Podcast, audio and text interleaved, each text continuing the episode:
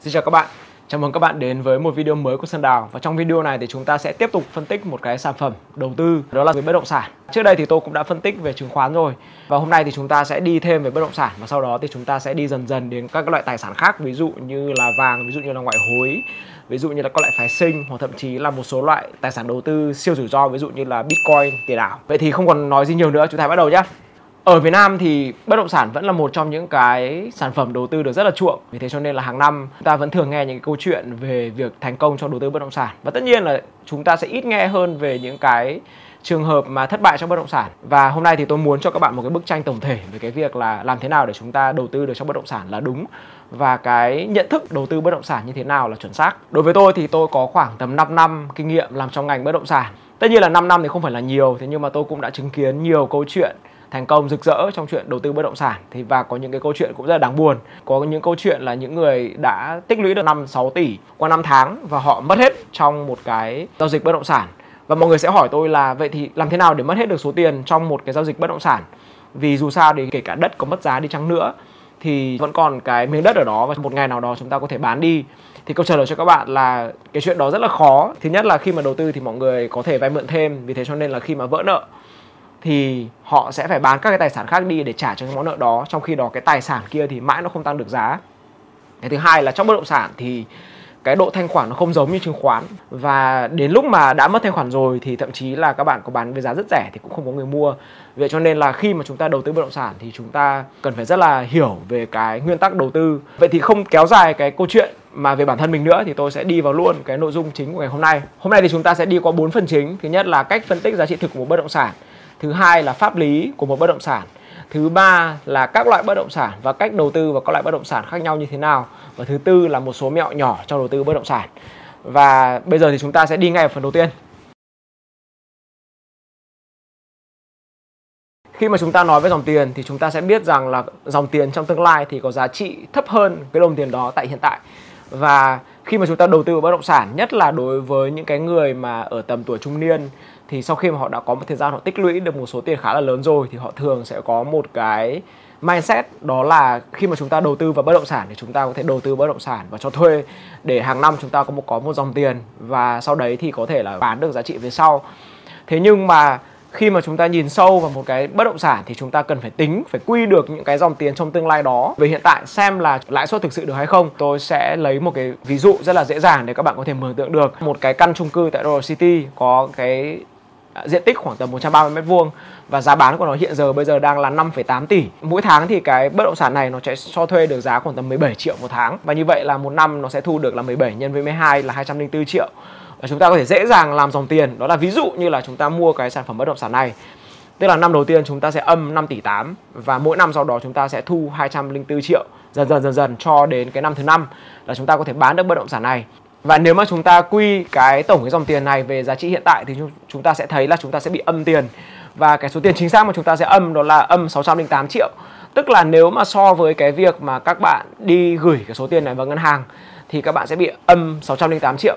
Và chỉ trừ khi nào mà một là các bạn có thể cho thuê với giá cao hơn giá thị trường là cái việc rất là khó. Và thứ hai là cái việc mà các bạn phải mong chờ đó là giá bất động sản tại Hà Nội hoặc là cụ thể hơn đó là cái giá bất động sản tại khu vực Royal City nó phải tăng được. Và nếu mà tính nhẩm ra thì ít nhất là cái chung cư này nó phải lãi 1 tỷ. Sau vòng 5 năm thì các bạn mới mong là các bạn có lãi.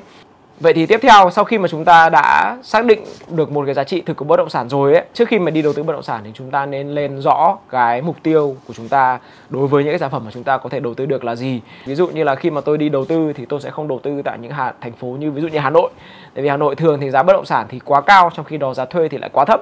Mà thay vào đó thì tôi sẽ đi tìm các cái cơ hội đầu tư tại những thành phố khác ví dụ như là Quảng Nam, ví dụ như là Quy Nhơn, những thành phố mà giá bất động sản mặc dù nó đã tăng rồi, thế nhưng mà cái giá trị cho thuê có thể là cho thuê hàng tháng, có thể là cho thuê qua những cái app homestay, ví dụ như là Airbnb, thì cái lợi nhuận qua việc cho thuê nó vẫn có thể cao hơn. Cái bước thứ hai, khi mà chúng ta đầu tư bất động sản thì chúng ta cũng phải để ý, rất là để ý đến là pháp lý. Nếu các bạn tra về pháp lý của một dự án thì các bạn sẽ giải được rất là nhiều kết quả trên mạng. Về cái bộ luật bất động sản năm 93 của Việt Nam hoặc là 2013 cũng đã có sửa đổi. Thì các bạn có thể dễ dàng tìm được những cái bước để các bạn có thể đầu tư một cách an toàn trong thị trường bất động sản và hôm nay thì tôi sẽ tóm tắt lại cho các bạn những cái gọi là cô động nhất trong cái việc tìm hiểu về pháp lý bất động sản. Thì thứ nhất thì chúng ta sẽ tìm hiểu về chủ trương đầu tư bất động sản, tức là cái này là chủ đầu tư được quyền đầu tư vào cái dự án đó. Thứ hai là quy hoạch 1 trên 500 và quy hoạch 1 trên 2000. 1 trên 2000 là cái quy hoạch để kết nối với giao thông của tỉnh và 1 trên 500 là cái quy hoạch chi tiết của cái dự án đó uh, nó sẽ phân ra như thế nào có bao nhiêu phần diện tích được xây dựng làm đất nền bao nhiêu phần diện tích được xây dựng làm chung cư bao nhiêu làm cây xanh bao nhiêu làm giao thông vân vân. Thứ ba là giấy tờ đóng thuế của cái dự án đó. Vì khi mà dự án đó đã hoàn thành được quy hoạch chủ đầu tư sẽ phải đóng thuế cho tỉnh. Và cái giấy tờ này là giấy tờ rất quan trọng nó là tiền đề cho cái việc là về sau cái khi mà dự án này nó hoàn thành thì chủ đầu tư có thể ra được sổ đỏ cho bạn. Và cái cuối cùng là cái giấy phép xây dựng. Khi mà chủ đầu tư đã đầy đủ hoàn toàn tất cả những cái yếu tố mà tôi vừa nói thì chủ đầu tư có được phép xây dựng. Và cái cuối cùng là không hẳn là một cái pháp lý, thế nhưng mà các bạn có thể xem là cái dự án đó nó triển khai đến đâu rồi. Nếu mà các bạn đang mua một dự án rất đơn giản, ví dụ như là đất nền chẳng hạn, thì có thể là chủ đầu tư chỉ cần làm đường, chỉ cần xây dựng một phần vỉa hè thôi, các bạn đã có thể cảm thấy khá là yên tâm rồi. Vì sản phẩm của các bạn đã gần đến lúc để để hoàn thiện. Nhưng mà nếu mà các bạn đang mua một dự án condo theo thì nếu mà chủ đầu tư đã bán rất là nhiều rồi thế nhưng mà cái phần dự án của bạn nó làm móng quá là lâu thì các bạn cũng sẽ phải đặt một câu hỏi lớn cho cái việc khả năng thi công của chủ đầu tư đó và không biết là dòng tiền của chủ, của chủ đầu tư đó có đủ để triển khai hoàn thiện cái dự án đó hay không. Vậy thì khi mà chúng ta đã hiểu được về pháp lý của một dự án chúng ta sẽ hiểu được cái rủi ro mà chúng ta đang đầu tư vào. Càng ít giấy tờ càng nhiều rủi ro mà các bạn đang chấp nhận. Tại vì khi mà các bạn mua một sản phẩm mà không đầy đủ giấy tờ ấy thì gần như là cái hợp đồng mà bạn ký với chủ đầu tư đó là một cái hợp đồng dân sự và nếu mà trong trường hợp mà chủ đầu tư không có khả năng để thực hiện cái dự án đó thì nó sẽ biến thành một cái hợp đồng vô hiệu thì có thể là các bạn sẽ bị ngâm cái số tiền đó trong chủ đầu tư rất là lâu thậm chí là kéo dài đến 10 20 năm và đó là những câu chuyện có thật. Vậy cho nên là khi mà các bạn hiểu được pháp lý về bất động sản thì các bạn cũng sẽ nắm được sâu hơn về cái việc là vậy thì chúng ta đầu tư bất động sản như thế nào. Hey, hãy dừng lại một phút. Nếu mà các bạn vẫn đang theo dõi cái video này thì chứng tỏ là cái video này vẫn đang khá hữu ích đối với bạn và nếu mà các bạn cảm thấy nó hữu ích ấy, thì hãy chia sẻ sự hữu ích này đến với các người bạn của bạn đến với thế giới. Và hãy giúp tôi bằng việc đó bằng cái cách là các bạn có thể share cái video này trên mạng xã hội của bạn. Hãy like và hãy comment tại video này. Xin chào các bạn. À, hãy theo dõi video này tiếp nhá. Vậy thì bây giờ thì chúng ta sẽ đến với bước thứ ba đó là các cái sản phẩm bất động sản khác nhau thì chúng ta nên đầu tư vào như thế nào. Chúng ta sẽ phân chia cái bất động sản ra thành hai loại chính thôi. Loại thứ nhất là cái loại mà có thể cho các bạn dòng tiền đều đặn hàng năm. Và nếu mà các bạn có muốn tìm hiểu sâu hơn về cái loại đầu tư này thì các bạn có thể tìm cuốn The Million Dollar Investor của Gary Keller. Đó là nhà đầu tư bất động sản triệu đô hoặc là nhà đầu tư bất động sản triệu phú. Tôi không biết là có bản tiếng việt hay không thế nhưng mà cái quyển này là một cái quyển phân tích về cách đầu tư bất động sản tại mỹ. Và ở Mỹ thì họ sẽ tập trung vào cái việc là đầu tư vào các sản phẩm bất động sản mà có dòng tiền đều đặn hàng năm. Và đối với cái sản phẩm mà cho thuê ấy, thì chúng ta cần phải lên rất là rõ cái dòng tiền mà chúng ta mong chờ là như thế nào và chúng ta có muốn vay nợ hay không? Các bạn có thể dùng chính cái bảng Excel mà bây giờ tôi sẽ chia sẻ cho các bạn ở dưới cái link, dưới cái mô tả của cái video này. Rất là đơn giản, các bạn có thể đưa vào cái giá đầu tiên. Số âm đó là cái số tiền mà các bạn muốn mua cái sản phẩm bất động sản đó. Tiếp theo nữa là các bạn điền vào những cái giá thuê hàng tháng và cuối cùng là cái giá bán mà các bạn muốn mong chờ bán vào cái thời gian cuối cùng của mình. Đó là có thể là năm thứ 10 có thể là năm thứ năm, có thể là năm thứ 20 và các bạn hãy cố gắng điền thật là kỹ những cái con số này vào là hàng năm phải sửa như thế nào. Thậm chí là khi mà chúng ta mới mua thì chúng ta cũng cần phải sang sửa nó để chúng ta có thể cho thuê được một cách nhanh chóng. Và chúng ta phải tính xem là đối với cái thị trường cho thuê mà chúng ta đang cho thuê đó ấy, thì chúng ta có cho thuê được được đầy đủ cả 12 tháng hay không? Hay là chúng ta chỉ có thể cho thuê được khoảng 10 đến 11 tháng một năm mà thôi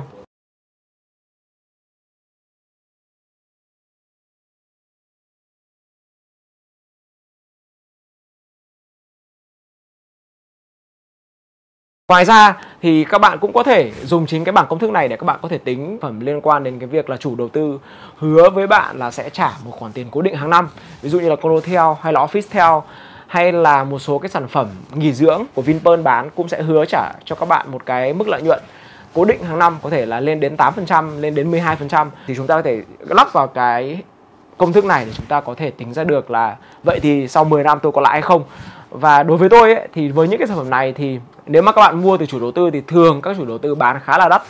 Và cái khả năng mà tăng giá chắc chắn trong tương lai nó tương đối thấp. Ví dụ như là một chủ đầu tư khi mà họ đã xây cái dự án này ra rồi thì họ đã phải đền bù dân cư này, họ đã phải bỏ ra tiền xây dựng này, rồi họ phải bỏ ra tiền để marketing. Và trên tất cả những số tiền đó thì họ phải ăn một cái số lượng lãi khá là lớn nữa. Vì vậy đối với tôi thì những cái sản phẩm mà chủ đầu tư hứa uh, bán cho bạn rồi trả cho bạn một cái mức lãi suất cố định hàng năm ấy thì những sản phẩm đó là những sản phẩm không quá tiềm năng. Vì vậy cho nên là khi mà các bạn đi đầu tư vào những sản phẩm mà có dòng tiền cố định thì các bạn nên đi nghiên cứu ở nhiều thành phố khác nhau để các bạn có thể ra được một cái công thức đầu tư cho mình. Liệu cái giá chúng ta có thể cho thuê được là như thế nào rồi chúng ta nên mua với giá bao nhiêu và chúng ta mong chờ bán với giá bao nhiêu và khi mà nó đã vượt qua mức giá mong chờ rồi thì vượt qua khoảng bao nhiêu thì các bạn nên nên bán. Đó là những cái câu hỏi rất là quan trọng đối với những cái sản phẩm mà các bạn muốn đầu tư mà có cái dòng tiền đều đặn hàng tháng. Cái loại sản phẩm thứ hai ấy, đó là những cái loại sản phẩm mà không có dòng tiền đều đặn hàng tháng.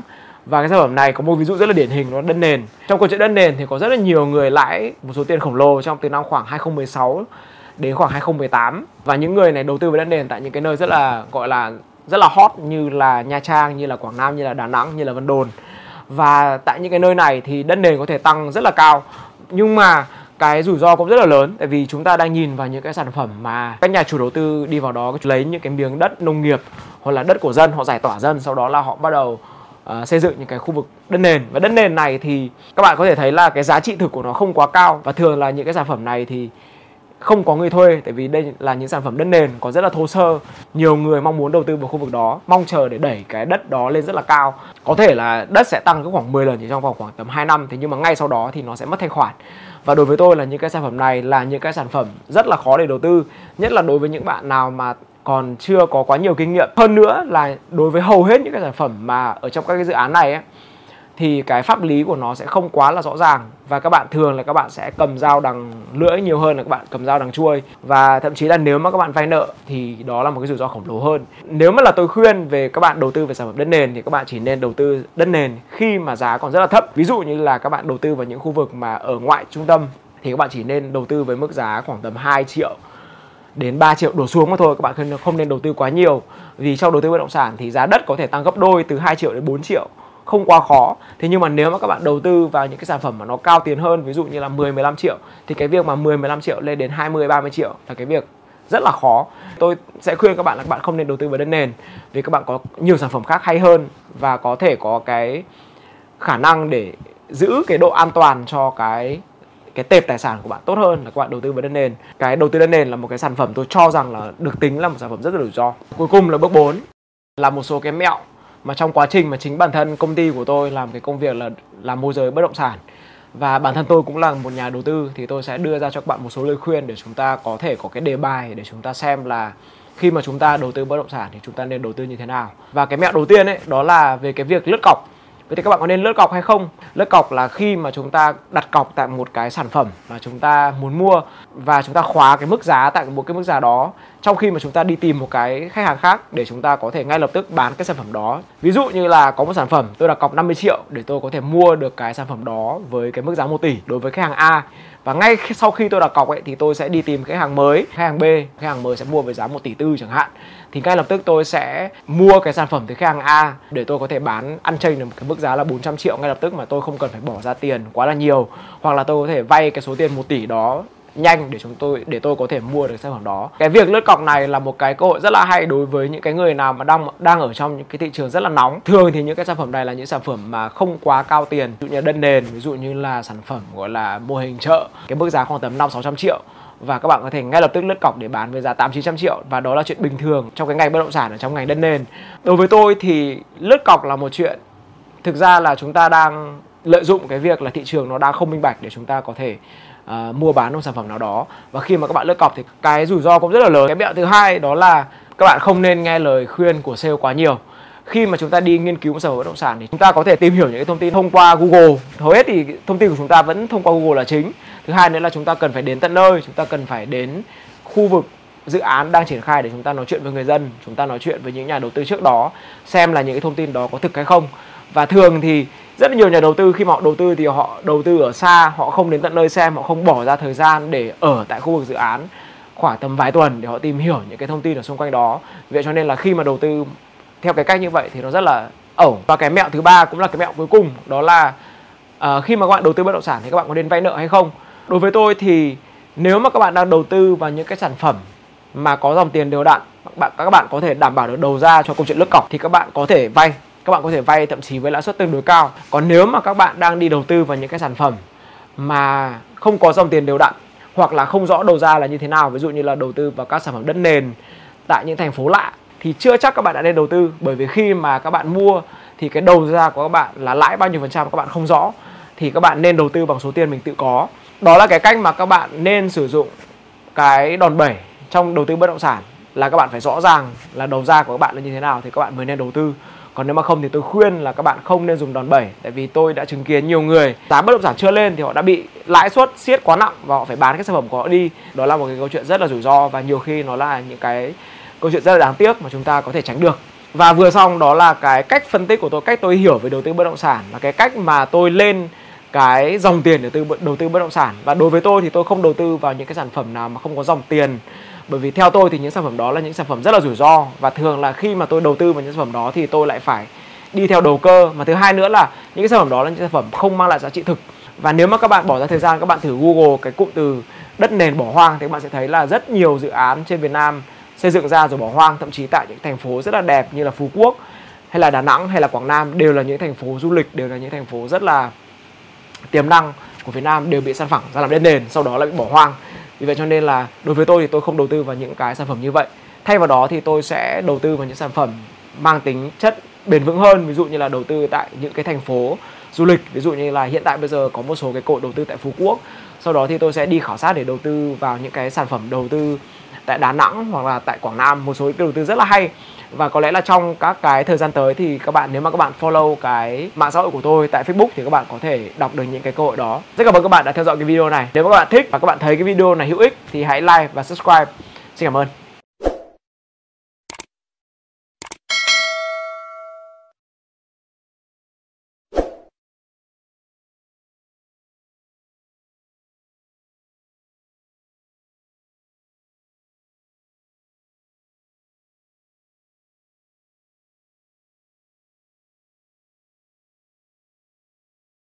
Mọi người nói rằng kiếm tiền với dropshipping thật đơn giản và bạn có thể ngủ và vẫn có tiền hay là vẫn đang tận hưởng nghỉ ngơi trên bãi biển mà vẫn kiếm được tiền. À, sự thật thì nó không đơn giản như vậy. Bạn chưa bao giờ thử bắt đầu chạy một cái facebook Ads chưa bao giờ thử tạo một cái gian hàng trên shopee. Và bạn luôn thắc mắc là nếu mà bạn tạo một gian hàng trên shopee thì làm thế nào khách hàng có thể tìm được đến cái gian hàng của bạn? Nếu mà bạn có quá nhiều những cái thắc mắc như vậy thì đây là video dành cho bạn trong video này mình sẽ cố gắng để trả lời tất cả những câu hỏi của bạn mà mình đã tổng hợp lại được ở trên group của Netsale Việt Nam. Bắt đầu thôi!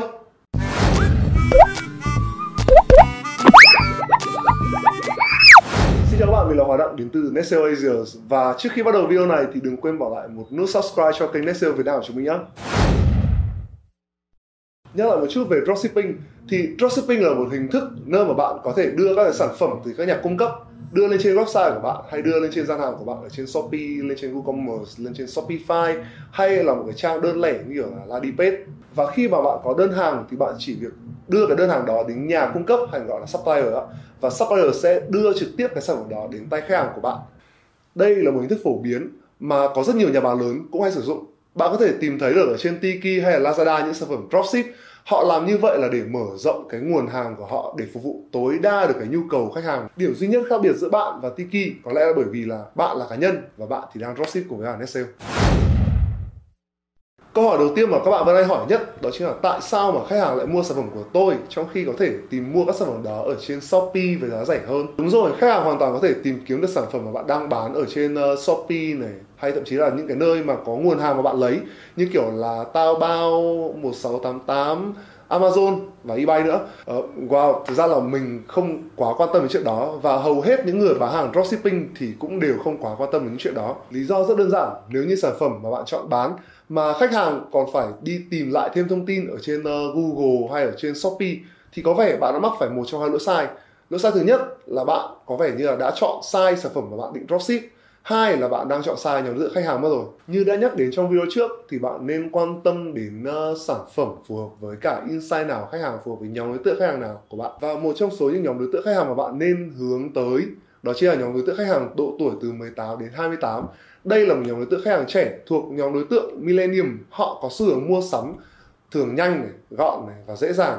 Và cùng với đó là sự thay đổi của các mạng xã hội khi đưa ra một cái xu hướng mới được gọi là social commerce họ tạo ra những cái công nghệ mới hỗ trợ dành riêng cho người dùng để có thể mua sắm online hay dễ dàng hơn. TikTok trong năm 2020 này sẽ dự kiến mang về cho Taobao 4,78 tỷ đô theo những con số của iResearch. Và ở trên Instagram cũng đã có tính năng check out on Instagram giúp cho người dùng có thể tiến hành mua sắm online dễ dàng hơn ở trên những thương hiệu yêu thích của họ. Và đây cũng chính là nhóm đối tượng mà bạn nên quan tâm và các dropshipper thành công khác họ cũng đang rất quan tâm đến cái nhóm đối tượng này.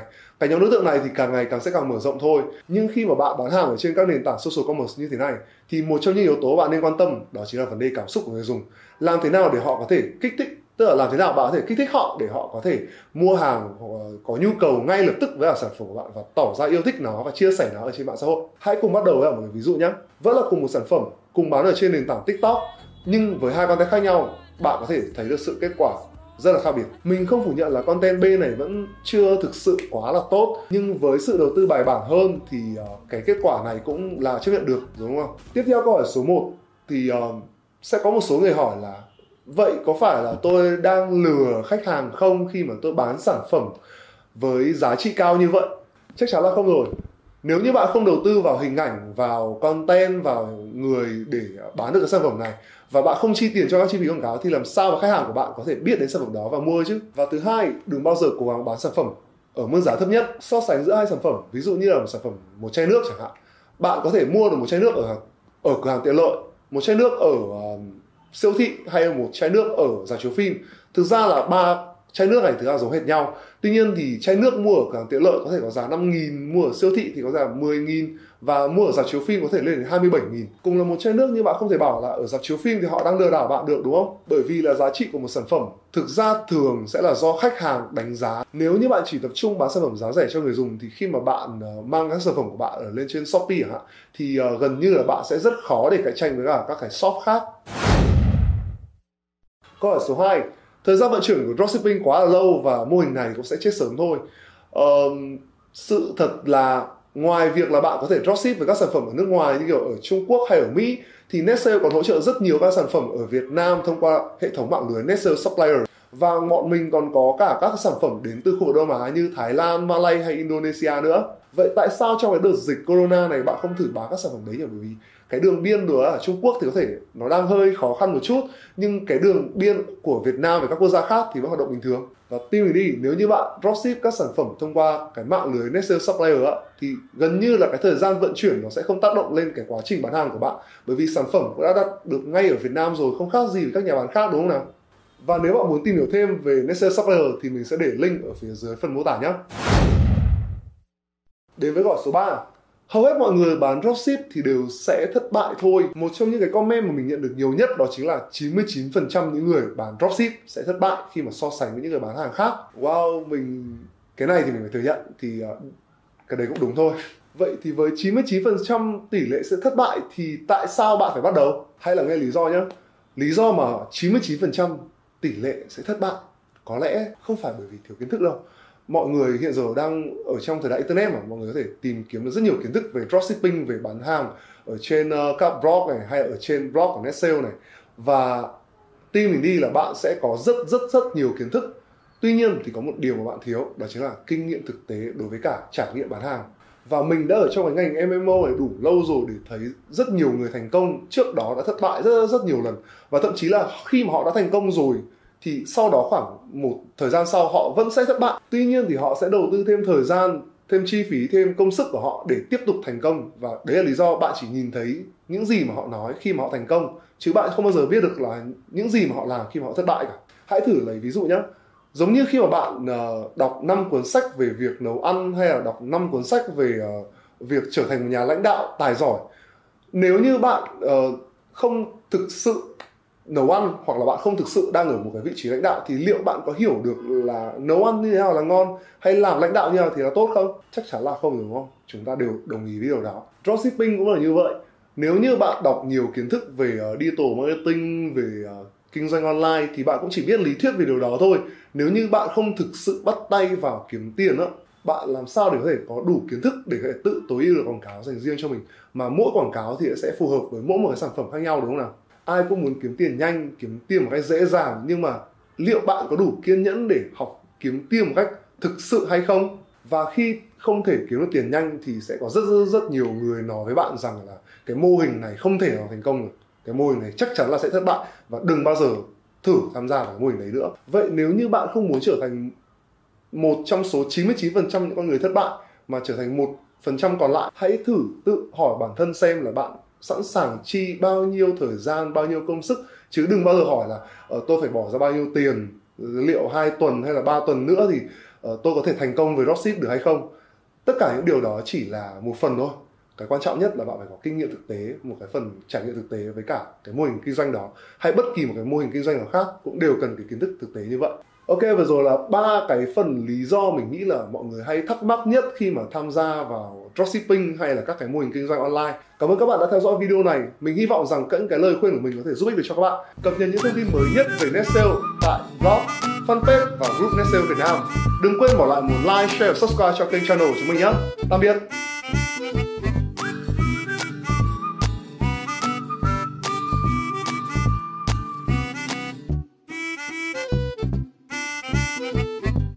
chào tất cả anh chị và các bạn thì mình là Tuấn Anh đến từ B7 Team Investment thì hôm nay là Tuấn Anh sẽ nói một chủ đề về một cái khái niệm đó tên là yield farming thì à, đối với Tuấn Anh nha, thì khi mà thị trường đi ngang này là có nghĩa là bit nó đâu, bitcoin đâu đó khoảng tầm 30 ngàn, trên dưới 30 ngàn hoặc là nó thấp hơn 30 ngàn tí xíu á. Thì lúc thị trường đi ngang á, thì một trong những cách mà kiếm tiền mà tôi nghĩ là rất là ok, đó là việc mà mình farm. Cái gì ha? Nhưng mà thật sự đứng những cái bức tranh mà hào nhoáng đó thì bên cạnh nó thì nó có rất là nhiều các rủi ro khác nhau. Ờ, à, tôi anh cũng muốn chia sẻ một cái bức tranh toàn cảnh và những cái định nghĩa để mọi người có thể hiểu được. Có nghĩa là xem là mình có phù hợp để tham gia một cái việc mà farming hay không các anh chị nhé. Tại vì khi mà các anh chị mà tham gia mùa vừa rồi thì chắc chắn tôi tin là các anh chị sẽ hiểu được một cái điều đó, đó là khi mà bước vào thị trường digital thì cái việc mà kiếm tiền á các anh chị ha nó sẽ dễ hơn rất nhiều so với việc mà mình giữ lại tiền. Cái việc giữ tiền trong thị trường này nó khó hơn nhiều lắm anh chị nhé nên là tôi xin phép chia sẻ luôn các anh chị nha. Rồi đầu tiên á, mình sẽ phải hiểu được khái niệm của yield farming là gì. Và một trong những cái quan trọng hơn nữa là tiền đến từ đâu mà nó chung cho mình? Đến từ đâu? À, mà chung cho mình. Khi mà mình gửi vào tiền của mình một cái nơi đó đúng không? Thì mình phải biết cái lợi nhuận cái lãi suất đến từ đâu chứ? Để biết á, là lúc nào nên chạy đúng không? Trước khi lúc nào mà mình phải nên chạy mà lúc nào là mình nên giữ lại mình farm tiếp tục anh chị ha rồi cái thứ hai á, là tôi nghĩ là sẽ làm một video sau có nghĩa là rủi ro rủi ro nè rồi trong các cơ hội cũng như là rồi, ai nên tham gia ai nên tham gia. Anh chị em tôi nghĩ là cái này phải làm hai video mới hết được. Rồi cái đầu tiên là khái niệm và tiền đến từ đâu á, thì à, tôi sẽ làm một cái ví dụ đơn giản để các anh chị hiểu hơn ha. Thì à, cái này đầu tiên là các anh chị phải hiểu về DeFi trước. Các anh chị nào mà chưa hiểu DeFi là gì thì có thể là coi clip trước nha. Tôi có để cái link uh, uh, trong YouTube đó các anh chị có thể vào tìm nha. Rồi thì ờ, để tôi ví dụ này ví dụ như là mình có một cái khoản tiền đúng không? Rồi mình là A mình có một khoản tiền sau đó là mình gửi vào sẽ có mình sẽ có hai hình thức ha. Mình sẽ gửi vào ngân hàng chẳng hạn đúng không? Thì ở trong ngân khố rồi ví dụ như vậy. Thì ở đây là đời sống nha đi sống đời sống. Rồi còn cách thứ hai á, đó là mình biết chơi coi rồi. Đó thì mình thông qua DeFi mình bỏ vào một cái liquidity pool có nghĩa là một cái hồ thanh khoản ha, pool liquidity liquidity đó là một cái nơi chứa tiền thôi một cái bể thanh khoản một cái bể chứa tiền ha DeFi. Thì khi mà mình gửi tiền ngân hàng đúng không? Thì ví dụ như mình theo hình thức gọi là gửi sổ tiết kiệm nhận lãi suất. Gì ha dạ. thì mình nhận được 6 đến 8 phần trăm. 6 phần trăm đến ờ, 8 phần trăm chẳng hạn từ cái lãi suất đó đúng không? Rồi còn cái DeFi thì như thế nào nha? Nhưng mà toan sẽ cho các anh chị thấy là cái lợi nhuận của ngân hàng như thế nào các anh chị có thể hoàn toàn xem ở đây nha. Thì là toan lấy ví dụ là một ngân hàng lớn thôi để mọi người dễ tưởng tượng nó ngân hàng Vietcombank. Thì cái lợi nhuận năm 2020 của Vietcombank nó lên tới khoảng 23.000 tỷ đồng. Có nghĩa là khoảng um, 1 tỷ đô la trong một năm. Từ một cái ngân hàng nó chỉ gì từ nhận phí giao dịch từ các giao dịch phát sinh khác nhau thôi. Anh chị nhưng mà đương nhiên đó, đó là ngân hàng á, thì cái lợi nhuận này sẽ chảy đâu thì phải chi cho cái việc mà rất là nhiều việc đúng không? Thì tôi anh ví dụ như là chi cho việc mà trả lợi tức cho các cổ đông đóng góp rồi ờ, rất là nhiều cái khác nhau. Nó, nó trả đúng không? Nhưng nói chung á là tiền khi mà nó trả lại cho cho những cái người mà tham gia này rất là ít đúng không? Chỉ khoảng sáu tám phần trăm thôi ví dụ như vậy. Nhưng mà khi vào DeFi các anh chị khi vào DeFi ha thì khi mà bỏ vào pool thanh khoản thì các anh chị biết rồi đó thì cái này nó đâu phải trả tiền cho ai đâu không phải trả tiền điện đúng không? Không phải trả tiền thuế không phải trả tiền nước không phải trả tiền mặt bằng cũng không phải chi trả cho bất kỳ mỗi cổ uh, một cái cái uh, một cái người sáng lập tổ chức nào hết. Mà tất cả những cái tiền ở đây nè cái tiền nó phát sinh từ giao dịch từ lợi nhuận nó sẽ trả cho ai ạ? Nó sẽ trả cho những người đóng góp ban đầu đúng không? Nó hoàn toàn trả cho những người đóng góp ban đầu toàn bộ. Nên là cái lợi nhuận đến từ đây các chị ha. Và những cái cái quá trình này nè cái quá trình người này đóng góp full vào cái mức thanh khoản này và nhận được cái lợi nhuận này nó gọi là yield farming ha. Yield farming ha, thì ở ngân hàng á, thì nó gọi là uh, gửi tiết kiệm nhận lãi suất gửi tiết kiệm nhận lãi suất, ha. Nhận lãi suất thì ở trong DeFi nó gọi hình thức đó là yield farming thôi. Các anh chị có thể là hiểu về khái niệm này đơn giản là như thế này là đơn giản nhất, các anh chị nha còn nếu mà đương nhiên là các anh chị vào tham gia thì các anh chị phải hiểu một cách sâu hơn. Rồi tôi nghĩ là khi mà tham gia rồi mình farm thử hay là mình làm này làm kia thử thì mình sẽ có những cái hiểu rõ hơn ha. Thì ở khuôn khổ video này tôi anh sẽ làm cái khái niệm này thôi để các anh chị hiểu rõ trước khái niệm trước. Còn nếu mà các anh chị vẫn quan tâm đến việc mà rủi ro rồi cơ hội rồi ai nên tham gia thì các anh chị có thể comment xuống ha để tôi anh có thể làm video tiếp theo để xem là mình có phù hợp hay không. Các anh chị nha. rồi xin chào và hẹn gặp lại các anh chị ở video lần sau. Chào anh em, mình quay trở lại đây. Ngày hôm nay trong video này mình chia sẻ chúng ta năm cái điều quan trọng nhất để chúng ta có một cái mùa quy 4 bội thu. Và nếu như chúng ta xem hết video này thì đến cuối video mình chia sẻ chúng ta những cái file và những cái nguồn những cái kênh đã giúp đỡ mình trong thời gian vừa qua để mình có thể là có một quy trình chạy à, uh, e-commerce shipping trơn tru nhất uh, từ khâu uh, support fulfill cho đến uh, uh, chạy quảng cáo hay là cổng thanh toán tất cả mọi thứ. Thì mình chia sẻ những nguồn mà đang giúp đỡ mình và mình đang sử dụng những đơn vị uy tín. Và để chia sẻ cho anh em để chúng ta có thêm những nguồn lực để uh, chúng ta vận hành cái store cái uh, business của mình một cách trơn tru hơn. Uh, thời gian qua thì mọi người đều chịu ảnh hưởng của dịch bệnh thì mình cũng như vậy. Mình uh, cũng bị uh, lockdown ở nhà hơn hai tháng nên mình cũng không uh, cho mình dành thời gian chủ yếu cho gia đình thôi. Uh, nên mình cũng không có Ừ, ra video hay quay vlog để chia sẻ với em Vậy thì hôm, ngày hôm nay thì mình tận dụng chút thời gian ở văn phòng để uh, chia sẻ ra những cái tip. Hy vọng sẽ giúp đỡ cho chúng ta rất là nhiều nếu các cảm thấy hay hãy giúp mình like và subscribe kênh của mình để mình có nhiều động lực ra video hơn. Ok anh em nhé. Rồi thì uh, cái yếu tố đầu tiên để giúp cho chúng ta có một cái mùa quy 4 bội thu đó chính là coupon. Coupon thì mình sẽ dùng cho tất cả các mặt trận bao gồm app, bao gồm social, bao gồm email và SMS. Đó thì những cái uh, coupon này đơn giản là để khuyến khích khách hàng mua hàng với một cái mã giảm giá. Uh, thì cái thời điểm của ừ, cuối năm before này là cái thời điểm mua hàng nhộn nhịp nhất ở trong năm là người ta rất thích mua hàng người ta rất thích sắm sửa và người ta gần như là chuẩn bị à, uh, dành nghiệp để uh, mua hàng để đón một năm mới sung sướng nhất nên đây cũng là một dịp mà chúng ta à, có thể kiếm được rất là nhiều tiền. Đấy thì chúng ta chỉ cần cho họ một cái lý do đủ lớn là họ sẽ sẵn sàng mua hàng từ phía chúng ta. Và một trong số những cái lý do để khiến họ mua hàng rất là mạnh đó chính là mã giảm giá. Đúng không ạ? Thì khi mình chạy quảng cáo uh, thì mình cũng có để những cái mã giảm giá à, năm mười phần trăm. Đấy và mã giảm giá này sẽ tùy vào những cái kèm bên những cái uh, dịp đặc biệt ở trong năm. Uh, dịp cuối năm này thì mình sẽ có rất là nhiều những cái uh, ngày uh, đặc biệt quan trọng. Và theo nữa mình chia sẻ là những cái link những cái nguồn để ra tham khảo. Đấy thì dựa vào những cái cái, cái ngày uh, dịp nghỉ lễ đặc biệt này chúng ta thể bắn ra những cái mã giảm giá. À, ví dụ như là ngày Halloween thì chúng ta thể tạo ra một cái mã giảm giá 10% cho những ai mua hàng trước ngày Halloween chẳng hạn. Đó thì uh, khi mà nó chạy quảng cáo với những cái mã như vậy cho sẽ thu hút khách hàng và thuyết phục khách hàng mua hàng nhiều hơn. Khi khách hàng vào website họ thấy có mã như vậy họ cũng sẽ tích cực họ sẽ mua hàng hơn. Rồi là khi chúng ta đăng bài trên page uh, Facebook, Instagram hay là YouTube hay là TikTok chúng ta cũng để những cái mã giảm giá như vậy. Uh, khi chúng ta bán những cái campaign email chúng ta sử dụng những cái uh, phần mềm để mà chúng ta nuôi dưỡng email như Klaviyo hay là uh, Ờ, hay là Omnisend thì nó đều có những cái tính năng để cho thêm những cái mã giảm giá vào và điều này sẽ khiến ta có được những cái đơn hàng rất là lớn. À, với một cái chi phí bỏ ra là tối giản nhất được chưa à, thì khi trong cái thời điểm before này người người nhà nhà họ uh, có những cái chương trình ưu đãi giảm giá thì chúng ta hãy cũng uh, là một người cho khách hàng cái lý do như vậy để khách hàng mua hàng từ phía chúng ta. Thì đó là cái yếu tố đầu tiên đó là hãy sử dụng những cái coupon discount. Và cách sử dụng cách tạo ra những cái mã discount này thì nó rất đơn giản thôi. Chúng ta sẽ vào mục discount. Mình đang nói với những ai sử dụng là phần mềm Shopify để chúng ta tạo và quản lý đơn đơn hàng cửa hàng của mình. Với những bạn nào sử dụng những nền tảng khác như Shopify hay là uh, WordPress thì đó chắc là chúng ta sẽ cũng sẽ có những cái tính năng tương tự thôi. Chúng ta sẽ vào mục discount và chúng ta sẽ bật create discount code. Tại đây chúng ta sẽ điền những cái tên à, discount mình muốn. Ví dụ như là mình sẽ đặt tên là Halloween 10 chẳng hạn. 10 đó, và với một cái ưu đãi là 10% percentage ở đây là phần trăm. Fixed amount là có thể là giảm 5 đô hoặc 10 đô. Uh, free shipping đó, hoặc là buy uh, mua một thì uh, tặng một. Đó, thì đây là những cái mã discount và thông dụng tối nhất. Thì thường thì mình sẽ là 10 phần trăm.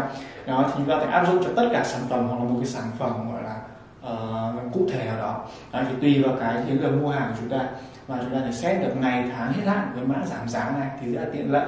Thì đây là cái cách rất là đơn giản để chúng ta có được thêm đơn hàng và khách hàng trong thời điểm quy phô yếu tố số 2 để ta kiếm được thật nhiều tiền cho thời điểm quy phô đó chính là sản phẩm đúng không ạ? Chúng ta phải có nhiều hơn những cái winning product. Ờ, ngày trước khi mình bán hàng thì mình cũng có gặp rất là nhiều những cái sai lầm. Đó mình thường phụ thuộc vào một là sản phẩm chính.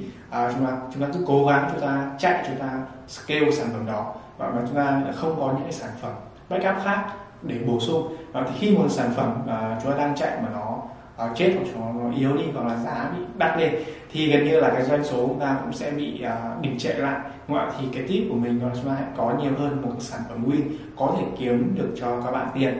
Đó. và cái số 2 là chúng ta nên bám vào những cái event lớn trong năm trong thời điểm quý 4 này để mà chúng ta tìm kiếm và nghiên cứu sản phẩm đó, thì có rất là nhiều dịp cho các bạn. Mình có để lại một cái link để chúng ta nghiên cứu những cái dịp mà hot trong cuối năm thời điểm cuối năm này.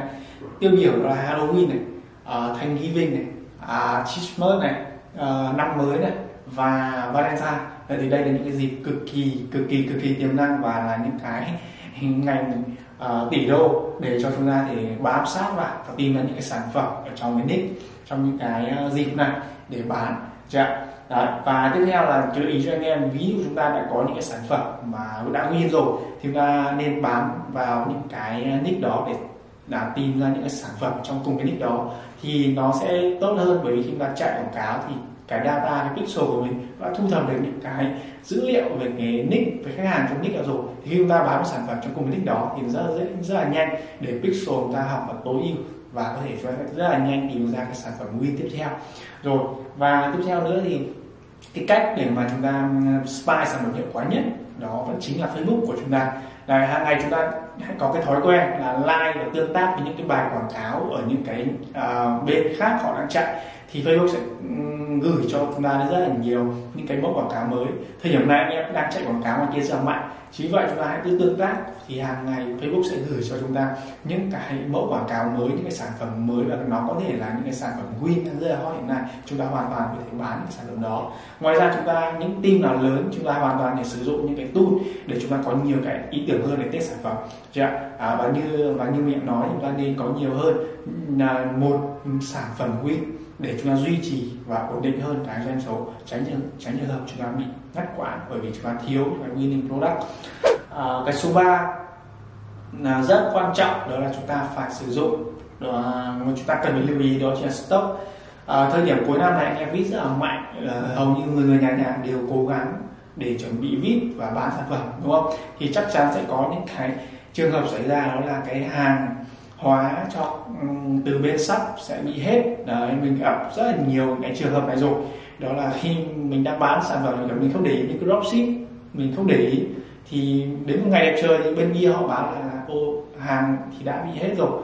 Đấy, thì mình hỏi khắp nơi thì cũng không ai còn cả, bởi vì là Trung Quốc thì cái số lượng hàng như vậy rồi, nếu mà còn thì họ sẽ vẫn tiếp tục nhập cho các bạn nhưng vì là hết rồi, hết hàng rồi.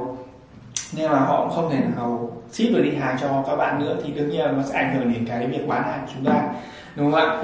Đấy, nên là cái lời khuyên cho anh em ở đây là cho không nên phụ thuộc vào những cái platform như là AliExpress thì nó rất là bị động, nó vừa chậm và vừa bị động. Chúng ta không kiểm soát được cái số lượng hàng và cái việc giao tiếp với supplier rất là khó. Đấy, nên chúng ta hãy có chuẩn bị cho mình những cái agent, những cái đơn vị uh, người Trung Quốc để chúng ta có thể giao tiếp và có thể nắm bắt được là cái số lượng hàng còn trong kho là bao nhiêu để mà chúng ta có thể lường trước được và chúng ta có thể bán hàng kiểm soát tránh trường hợp bị hết hàng không ship được hàng thì nó ảnh hưởng rất là nhiều Đấy. và cái hướng giải quyết cho chúng ta là chúng ta có thể là nhập hàng trước về kho cho thể về kho của mình về kho của một bên thứ ba mà chúng ta thuê đấy à, thì nhập hàng trước này thì chúng ta nên tìm hiểu về Alibaba. À, thì khi mà chúng ta mới bắt đầu làm dropshipping thì chúng ta có thể quen với AliExpress nhưng cho làm một thời gian rồi thì chúng ta phải làm quen và chúng ta hầu như là phải làm việc trên Alibaba rất là nhiều. Mình sẽ hướng dẫn cho chúng ta qua cái cách mình sẽ sử dụng Alibaba. Với Alibaba này thì sẽ là một cái nền tảng để mà chúng ta thể là nhập số lượng lớn. Nó không giống như AliExpress là chúng ta phải nhập số lượng nhỏ từng cái một. Đấy, thì đây là chúng ta sẽ mua à, ở Alibaba chúng ta sẽ mua số lượng lớn ví dụ 100 à, 500 1000 10000 cái. Đấy, chúng ta biết chắc là sản phẩm đã đang win rồi đúng không? Chúng ta nhập số lượng lớn về khoảng 10.000 cái chẳng hạn đúng không? Thì cái thì cái chi phí để nhập hàng nó vừa giảm vì mình mua số lượng lớn mua buôn mà thì cái chi phí số lượng hàng nó sẽ sẽ giảm đi rất nhiều. À, chi phí à, sản phẩm đúng không ạ? Thì nó giá vốn đấy giá vốn nó sẽ giảm đi rất là nhiều và chúng ta có sẵn hàng trong kho rồi chúng ta biết thoải mái không phải lo lắng gì nữa đúng không? Thì cái đầu tiên là ở Alibaba này. Cho vào Alibaba vì chúng ta đang bán cái sản phẩm. À, ví dụ ta chúng ta đang bán cái cái áo khoác này chẳng hạn.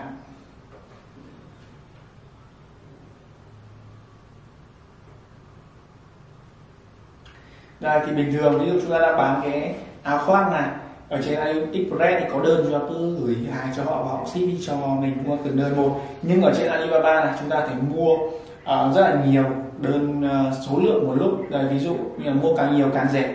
Đây ví dụ như là mua từ 10 cho đến 99 cái thì sẽ 12,9 đô. Nhưng nếu như chúng ta mua từ 500 cho đến 5.000 cái thì giá chỉ là 11,8 trên một item thôi. Đấy. và sau đó thì chúng ta sẽ sẽ mua cái số lượng lớn này và họ sẽ ship đến một cái địa chỉ có thể là kho uh, của bên mình. Đó tạo nữa bên chị chia sẻ ra một vài cái đơn vị kho mà chúng ta có thể liên kết và hợp tác. Đấy, thì bên đó sẽ là bên nhận cái số lượng hàng từ bên Alibaba này và ship hàng đi cho chúng ta khi mà chúng ta có đơn. Đấy, thì chia sẻ về Alibaba trước thì tại đây như có một vài tip cho chúng ta khi mà làm việc với những sắp ở trên Alibaba. Đó là chúng ta phải tìm ra những ai có uh, thâm niên một chút trong ngành. Đấy, ví dụ ở đây công ty này nó có cái kinh nghiệm là 5 năm rồi. Đấy, không giống như một vài bên ở đây nó chỉ là có một năm thôi. Đấy, thì cái kinh nghiệm của họ vẫn còn rất là mới và đôi khi họ không biết và họ không support được nhiều cho các bạn. Đấy thì ví dụ bên này 5 năm là khá là ok rồi. Đấy, tiếp theo nữa thì chúng ta cần phải xem xem cái chỗ số 2 đây là manufacturer hay trading company. Điều này rất quan trọng bởi vì nếu như chúng ta đang mua từ một bên là ví dụ là chỉ có trading company thôi thì cái cái cái giá sẽ bị đắt hơn rất là nhiều cho nên tìm một cái bên khác. Trading company là cái bên mà họ chỉ chuyên về buôn bán và xuất hàng đi cho các bạn. À, còn nếu như chúng ta làm việc với một bên là manufacturer Đấy, thì đây mới chính xác là cái, cái, cái nhà máy sản xuất thì cái giá nhập sản phẩm nó sẽ rất là tốt cho các bạn và chất lượng nó sẽ được đảm bảo hơn. Đấy, thì còn bên nào mà ví dụ như bên này mà nó có cả hai cái à, là manufacturer và trading company thì điều đó lại thực sự tốt cho anh em. Đấy, thì nó vừa tự sản xuất họ tự bán và tự ship đi cho các bạn với những cái à, đường ship nó rất là đa dạng. Đấy, thì đấy là những cái tip cho anh em khi mà chúng ta làm việc với bên Alibaba. À, một cái nữa đó là chúng ta phải uh, xem một cái cách họ giao tiếp với mình như nào. Ở trên Alibaba thì chúng ta luôn luôn hoàn toàn chúng ta để chat được với họ là chúng ta bấm vào contact này. À, chúng ta bấm vào contact. À, thì chúng ta nhắn cho họ một tin đúng không? Chúng ta, uh, mình sẽ nhắn tin cho họ. Và chúng ta sẽ để ý xem cái cách họ trả lời mình như thế nào và cái khả năng tiếng Anh cái khả năng ngoại ngữ của họ có tốt không? Đó, thì đấy là mình điều mình rất quan tâm. Nếu mà tiếng Anh họ rất là kém họ nói kiểu như là như kiểu Google dịch ấy, thì chắc chắn là họ không thể nào mà support được mình lâu dài được. Đó thì đó là cái cái vấn đề số 3 cho anh em khi mà chúng ta viết hàng trong thời điểm cuối năm là chúng ta phải chú ý là stock chúng ta phải luôn giữ được cái hàng của mình còn trong kho để mà chúng ta bán hàng. Rồi và cái tiếp theo nữa đó là nhà kho thì chúng ta sẽ dùng nhà kho bên nào hiện tại thì cái ngành uh, e-com này rất phát triển. Chính vậy thì có rất nhiều đơn vị có thể hỗ trợ anh em về mặt đó là uh, ship hàng và nhập hàng về kho. Đấy, tức là khi mà chúng ta mua hàng từ bên Alibaba thì họ Alibaba cần một cái địa chỉ để họ ship cái đống hàng đó đến cho anh em. Thì uh, như ở đây uh, mình làm việc ở một bên là Shipbox. Đấy, thì bên Shipbox này thì họ là một nhà kho bên Mỹ thì họ sẽ nhận cái số lượng hàng từ bên Alibaba đó để họ để trong kho shipbox và khi mình có đơn thì bên shipbox này tự động ship hàng đi cho mình. Đó thì đó là cái cái cái quy trình là như vậy. Thì tại đây thì anh em thì uh, ờ, mình cũng để link bên shipbox này. Trong cái file này theo anh em thì kéo xuống ở bên dưới video. Và cho bấm vào cái file này thì chúng ta sẽ có toàn bộ những thông tin những cái cái bên đơn vị mà mình đang hợp tác uh, để mà chúng ta có thể tham khảo thêm được chưa chúng ta có nhu cầu gì chúng ta hoàn là nhắn tin trực tiếp cho họ thì họ sẽ hỗ trợ anh em sẽ kỹ hơn còn thời lượng trong video này thì để nói ra chi tiết thì nó cũng khá là dài. Được chưa rồi và cái uh, yếu tố số 4 đó chính là Facebook đúng không ạ? Tài khoản quảng cáo. Thì anh em phải để ý một điều là trong thời điểm năm ngoái hay thời điểm cuối uh, mọi cuối năm của tất cả các năm trước nữa. Thì là cái thời điểm anh em viết quảng cáo rất là mạnh. Chính vậy thì cái ờ, Facebook lại càng siết chặt hơn vào thời điểm cuối năm. Chúng ta không có những cái ad Facebook mà khỏe thì chắc chắn là chúng ta sẽ gặp rất là nhiều khó khăn. Đỉnh điểm là trong thời điểm năm ngoái thì đã có rất là nhiều anh em uh, gần như là không thể chạy được bó tay bó chân hoàn toàn. Trong cái thời điểm cuối năm không thể nào mà chạy được quảng cáo.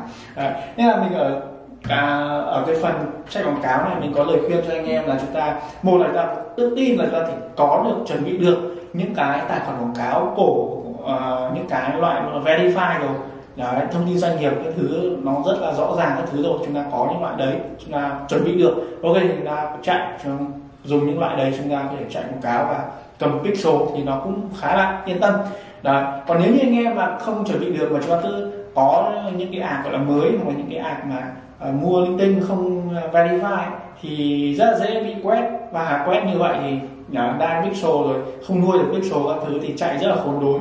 Thời điểm cuối năm lại anh em chạy Facebook rất là nhiều. Đấy chắc chắn là anh em chạy thì cái giá CPM rồi mọi thứ nó sẽ bị đắt lên.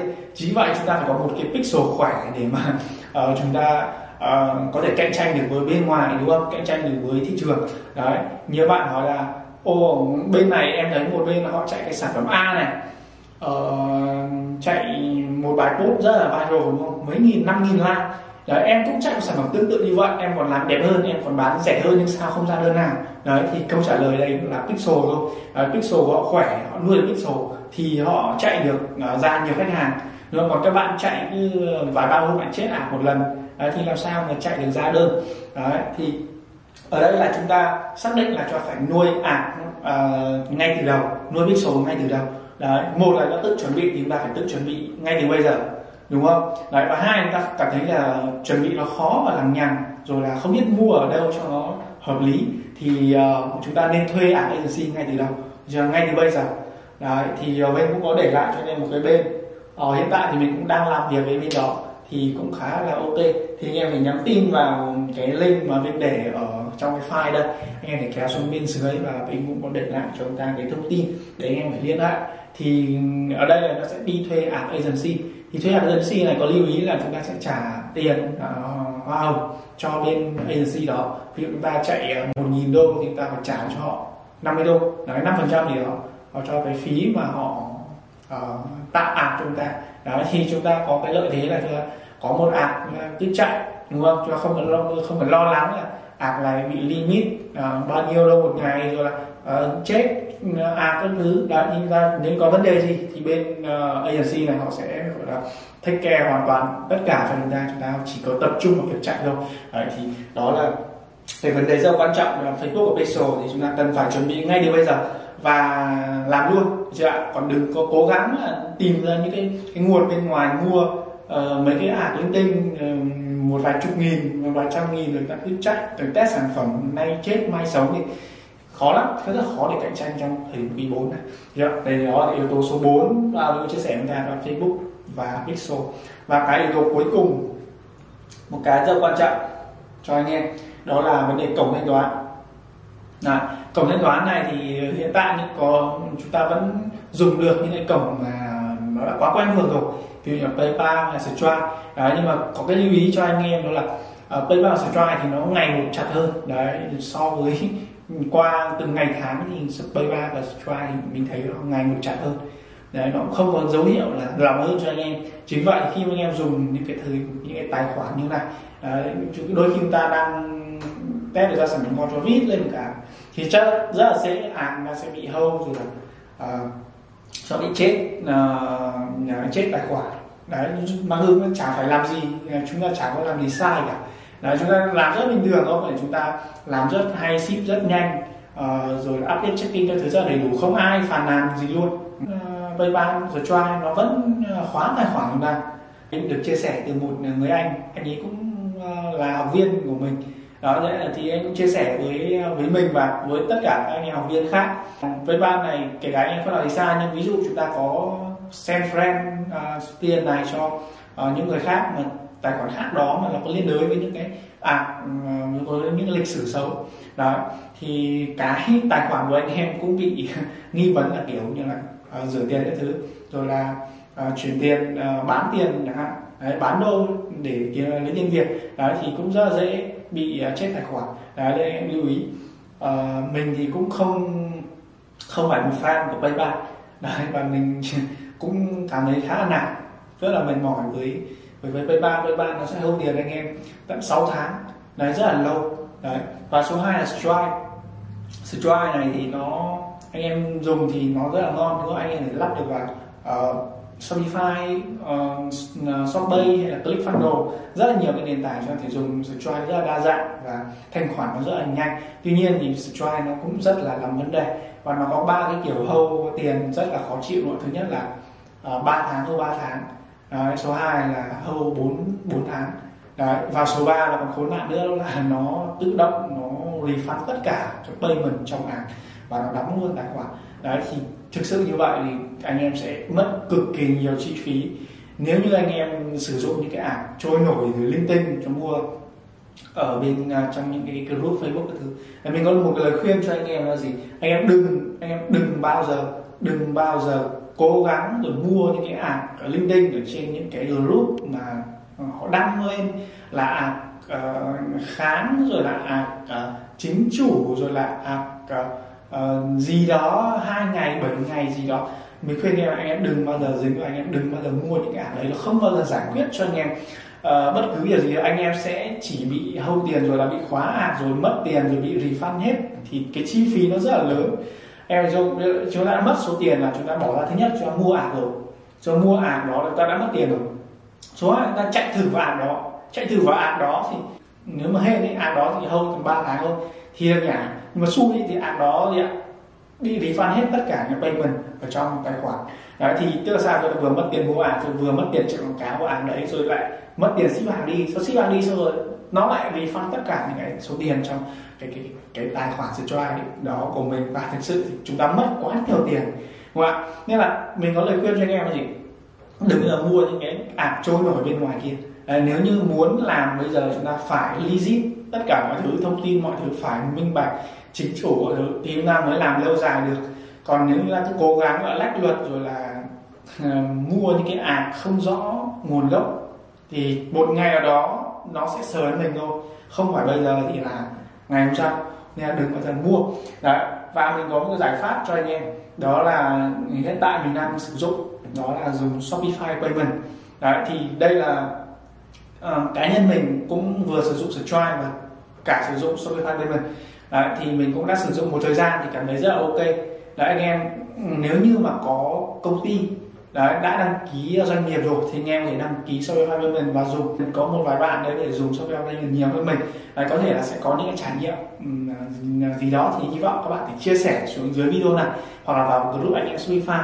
Còn cá nhân mình sử dụng một thời gian thì mình thấy rất là ok họ nó nhả tiền rất là đều đặn và thanh khoản trong tầm từ 3 đến 4 ngày kể cả từ cái đơn hàng đầu tiên.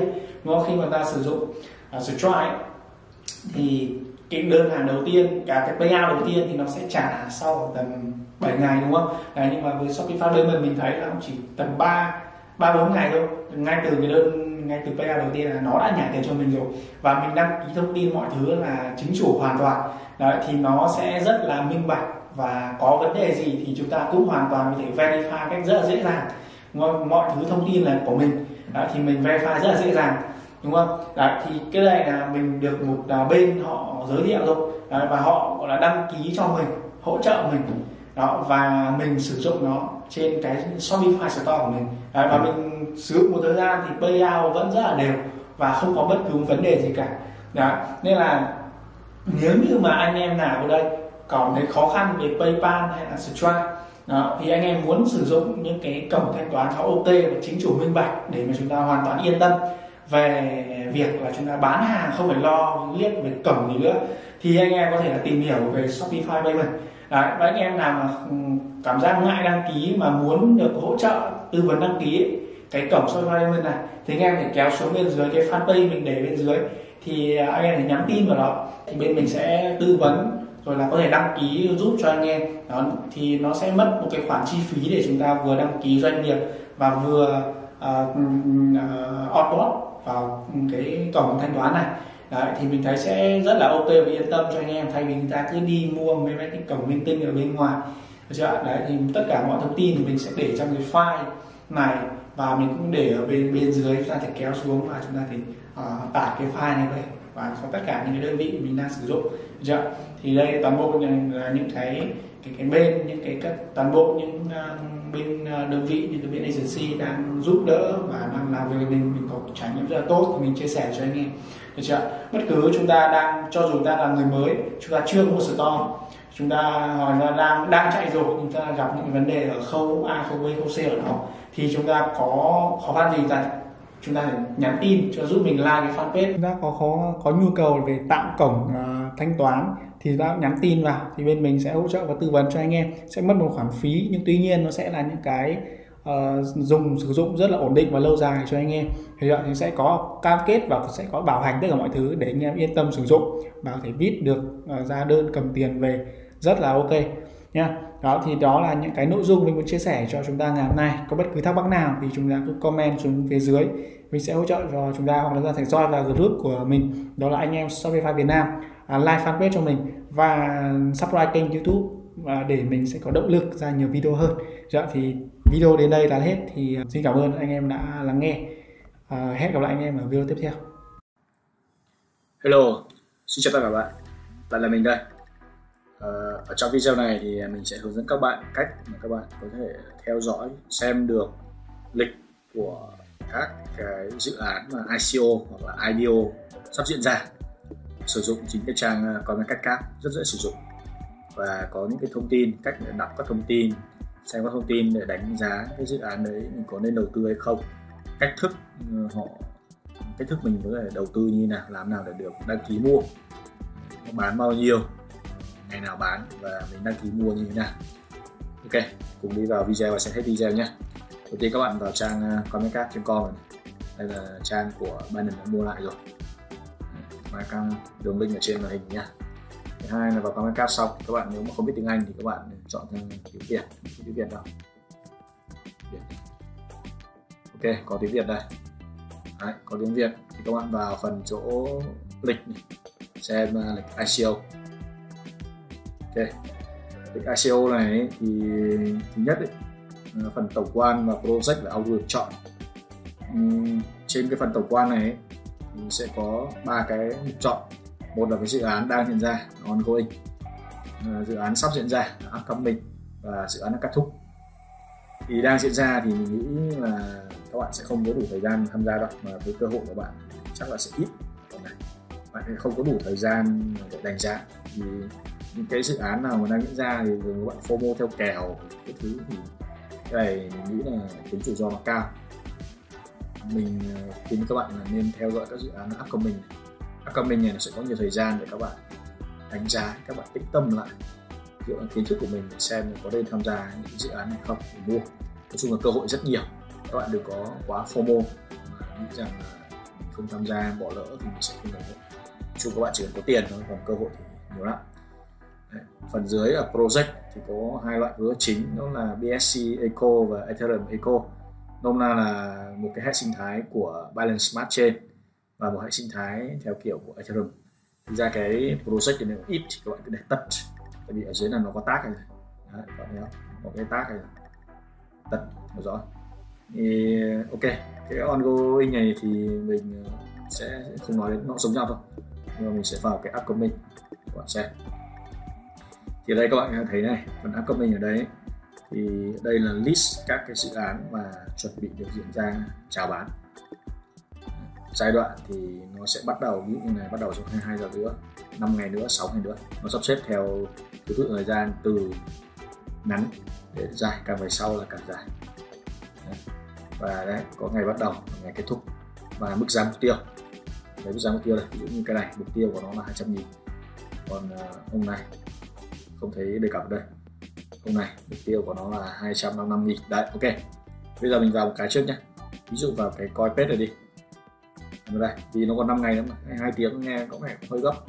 Và 5 ngày nữa để các bạn có hai ba ngày một hai ngày tìm hiểu thông tin. Tĩnh tâm lại. Rồi. Thì trang um, comment card này nó rất là hay là nó rất nhiều thông tin mà bạn không phải đi đâu cả cả. Thứ nhất thông tin tổng quan về về cái con ờ, coin này thì nhất nó dạng token này. Nó ở trên 168 danh sách theo dõi. Đấy, rất là nhiều. Clip này càng nhiều là tốt.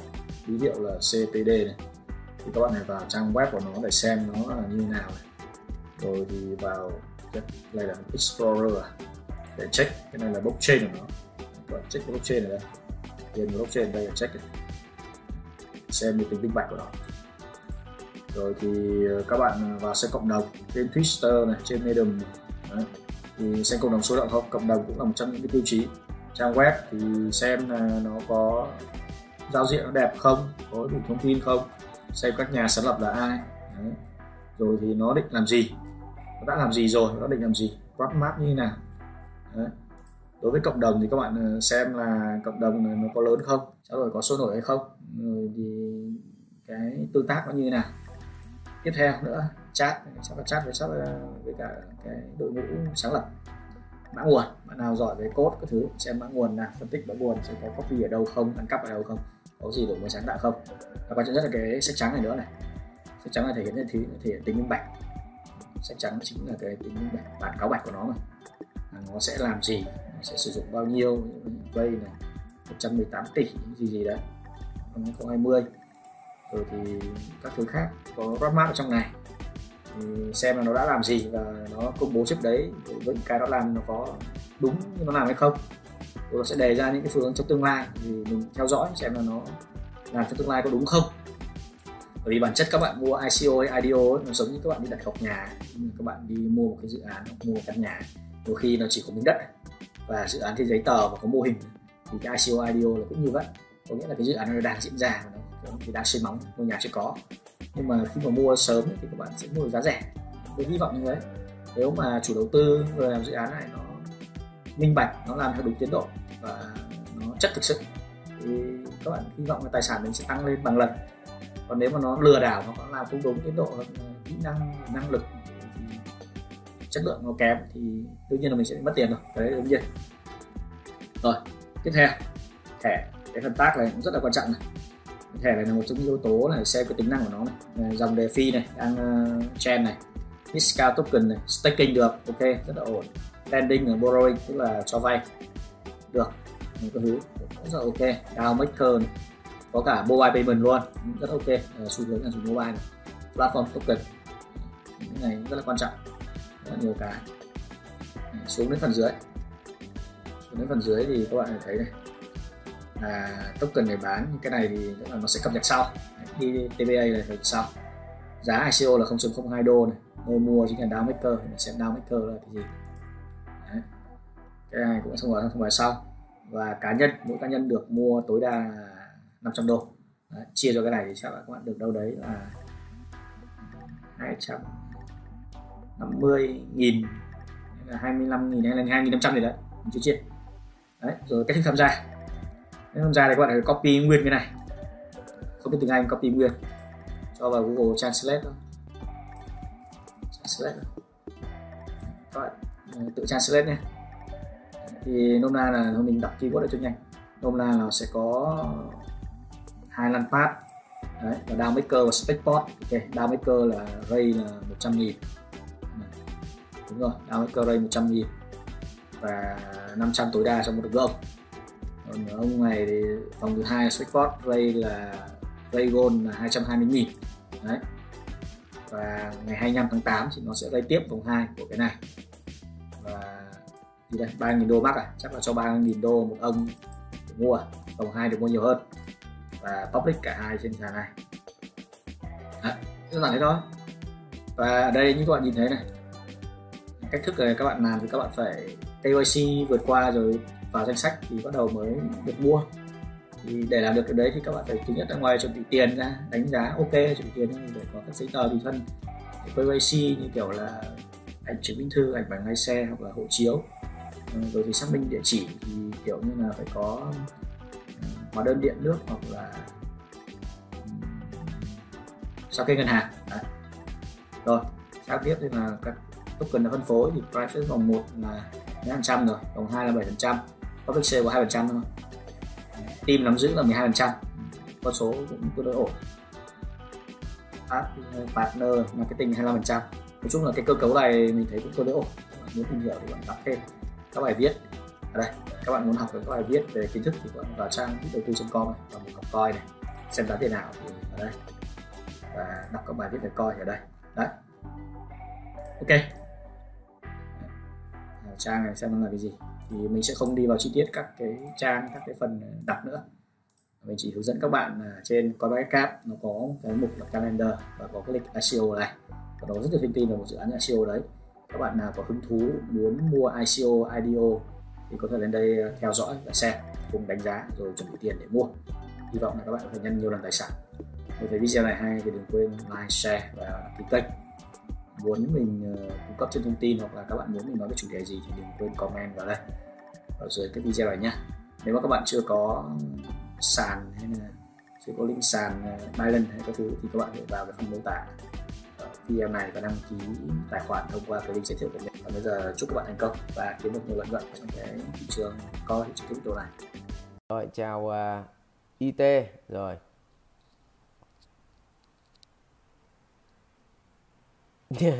vâng, anh Bùi Duy Tùng vâng.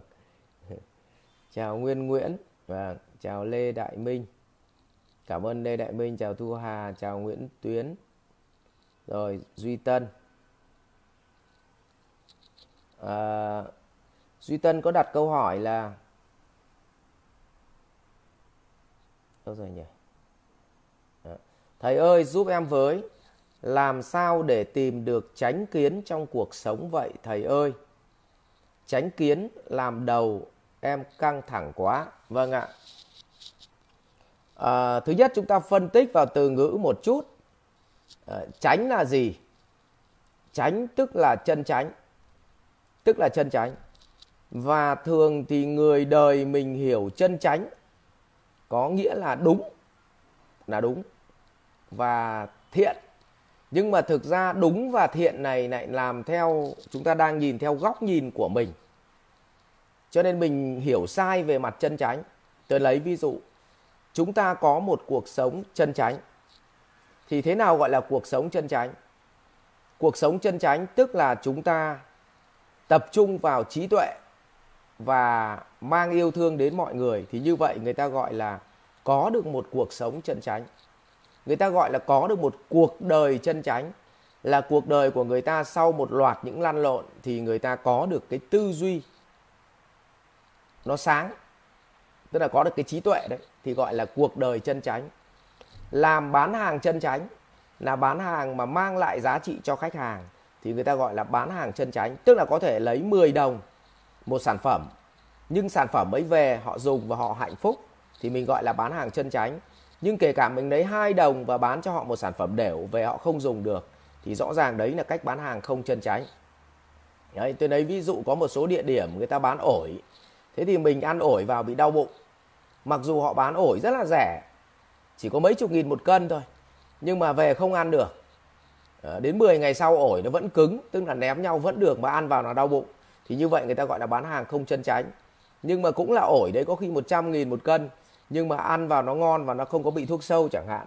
Thì như vậy là là người ta gọi là bán hàng chân tránh. Thế thì cái cái việc mà chân tránh mà ở đời sống này chúng ta hay định nghĩa là định nghĩa theo chân tránh góc nhìn của mình. À, thế thì tôi lấy ví dụ thế này thôi. Nuông chiều con cái thì đối với một số bà mẹ như vậy là chân tránh. Tức là đúng mình gọi là đúng đấy cho nó nông văn rền gọi là từ đúng. Thế thì ờ, nhưng mà Ờ, theo chân lý thì nuông chiều con cái quá thì chúng ta đang làm hại con cái. Như vậy chúng ta đang làm một việc không chân tránh nhưng về mặt bản chất thì là mình cứ suy nghĩ theo góc nhìn của mình là nuông chiều con cái thì là việc việc đúng rồi. Vậy thì rõ ràng là cái suy nghĩ đúng của ta thì chưa chắc đã phải là một việc chân tránh và chữ tránh là biểu hiện sự chân tránh tức là chân tránh ở đây là nó đúng với chân lý. Thế còn à, thứ hai là uh, chữ kiến kiến, tức là nói về cái suy nghĩ của mình. Cái suy nghĩ của mình nó chân tránh thì cái suy nghĩ của mình nó đúng với lại chân lý, thì cái đấy gọi là chân tránh và thưa các anh chị, thì trong cuộc đời mình, thì thông thường mình đưa ra 10 cái suy nghĩ 10 cái ý tưởng về suy nghĩ, thì nó mất là độ khoảng là, chắc là 8 cái suy nghĩ là nó nó không có chân tránh tức là nó đúng theo suy nghĩ của mình thôi, theo góc nhìn của mình, nhưng nó không đúng theo góc nhìn của chân lý. Thế thì như vậy là dẫn tới là mình có một đời sống không chân tránh và nguyên tắc là mình hoạch định, là mình nghĩ là cách làm như vậy là đúng, nhưng trên về về về mặt thực tế thì, về mặt chân lý thì nó sai, thì tự khắc là mình mình mình ờ, nhận cái khổ vào người mình. Xong rồi mình kêu, ôi, khổ quá. Vậy bản chất mỗi một lần suy nghĩ nó không chân tránh và mình cho rằng nó đúng và mình làm theo xong mình thấy sai, thì chính là cái lúc đấy là mình phải trả nghiệp cho cái việc mà cái tránh kiến của mình nó không có tốt. Vậy thì khi mà chúng ta đang tu từ người bình thường mà lên người trí tuệ từ người trí tuệ mà lên đến cái người mà minh triết thì rõ ràng là cái hàm lượng suy nghĩ mà thiếu chân tránh thiếu tránh kiến ấy, ờ, thì đối với người bình thường thì 10 suy nghĩ thì có thể mất 9 suy nghĩ nó không tránh kiến. Xong rồi đến một người trí tuệ thì có thể 10 suy nghĩ mất 5 suy nghĩ không tránh kiến nhưng đến cái người minh triết thì 10 suy nghĩ thì có thể hai suy nghĩ không tránh kiến. Và đến như Đức Phật thì 10 suy nghĩ là 10 suy nghĩ tránh kiến. Thì như vậy là người ta gọi là như Đức Phật như vậy người ta gọi là sự thức tỉnh đấy. Sự tỉnh thức. À, và có sách thì viết là thức tỉnh. Thế thì thưa các anh chị là nói như vậy thì chúng ta càng có nhiều suy nghĩ tránh kiến bao nhiêu chúng ta có nhiều tránh kiến bao nhiêu thì cái việc mà Ờ, cuộc đời của chúng ta nó hạnh phúc bấy nhiêu. Và bản chất là tránh kiến nếu mà nhiều tránh kiến tức là số lượng quyết định anh ra quyết định đúng nhiều hơn. Đúng so với chân lý thật sự ấy nó nhiều hơn. Còn nếu đúng so với góc nhìn của anh mà góc nhìn của anh là sai thì cái đấy nó vẫn không là chân nó vẫn không là tránh kiến. Rồi ạ à, thế thì như vậy là nó mới quay trở lại cái câu chuyện là làm thế nào để chúng ta có được tránh kiến trong đời sống. Thì ưa các anh chị vốn dĩ cuộc đời này là chúng ta phải mắc sai lầm. Tức là đầu tiên mình nghĩ rằng cách làm ấy là đúng, nhưng sau khi mình làm xong thì phát hiện ra là nó không không không không thành công. Thì bắt đầu mình mới phát hiện ra là à cái này là không chân tránh cái này không phải đúng. Chẳng qua là đúng theo suy nghĩ của mình, lúc bấy giờ mình mình ngu muội thì mình nghĩ là nó đúng thôi. Và sau một lần sai thì mình phát hiện ra đấy là một cách sai và mình phát hiện ra cách đúng và từ đấy mình mới tìm ra một cái cách mới để nó đúng.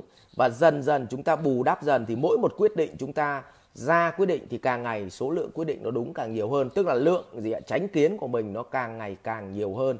Vậy thì tóm lại, để mà tránh kiến được trong đời sống thì chúng ta không mong chờ rằng ngồi đọc sách mà tìm ra tránh kiến. Không mong chờ rằng ngồi nghiên cứu đạo phật mà tìm ra tránh kiến.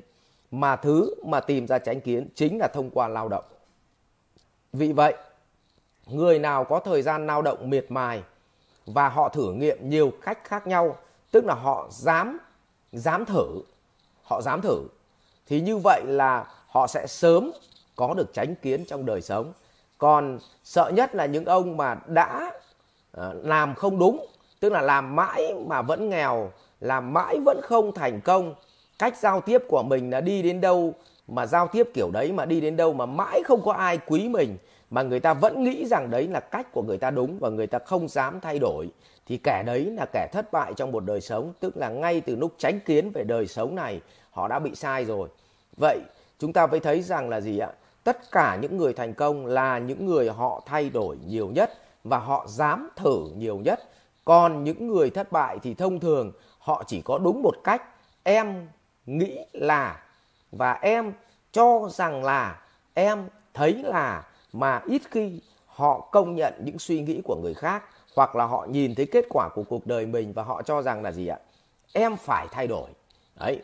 Thì đấy chính là tránh kiến trong đời sống và tôi nhắc lại là bản chất để có tránh kiến phải thông qua lao động, chứ tránh kiến không thông qua đọc sách, tránh kiến không thông qua ngồi suy nghĩ, tránh kiến thông, không thông qua cái việc mà à, chúng ta đi chém gió rồi nghiên cứu cái nọ nghiên cứu cái kia thì cái đó nó chỉ mang cái tính mà tham khảo thôi. Còn chỉ có cuộc đời mình thì chính mình trải nghiệm với thay đổi được suy nghĩ của mình. Vì vậy trong đạo phật mới có một câu là ai ăn người ấy no? Ừ. và gì ai tu người ấy chứng vì vậy tu chính là gì ạ? Trong lao động chúng ta thử nhiều cách và biết cách nào sai thì chúng ta bỏ đi và chúng ta không mắc lại nữa thì đấy chính là tránh kiến trong đời sống. Rồi xin cảm ơn câu hỏi của bạn. Rồi ạ.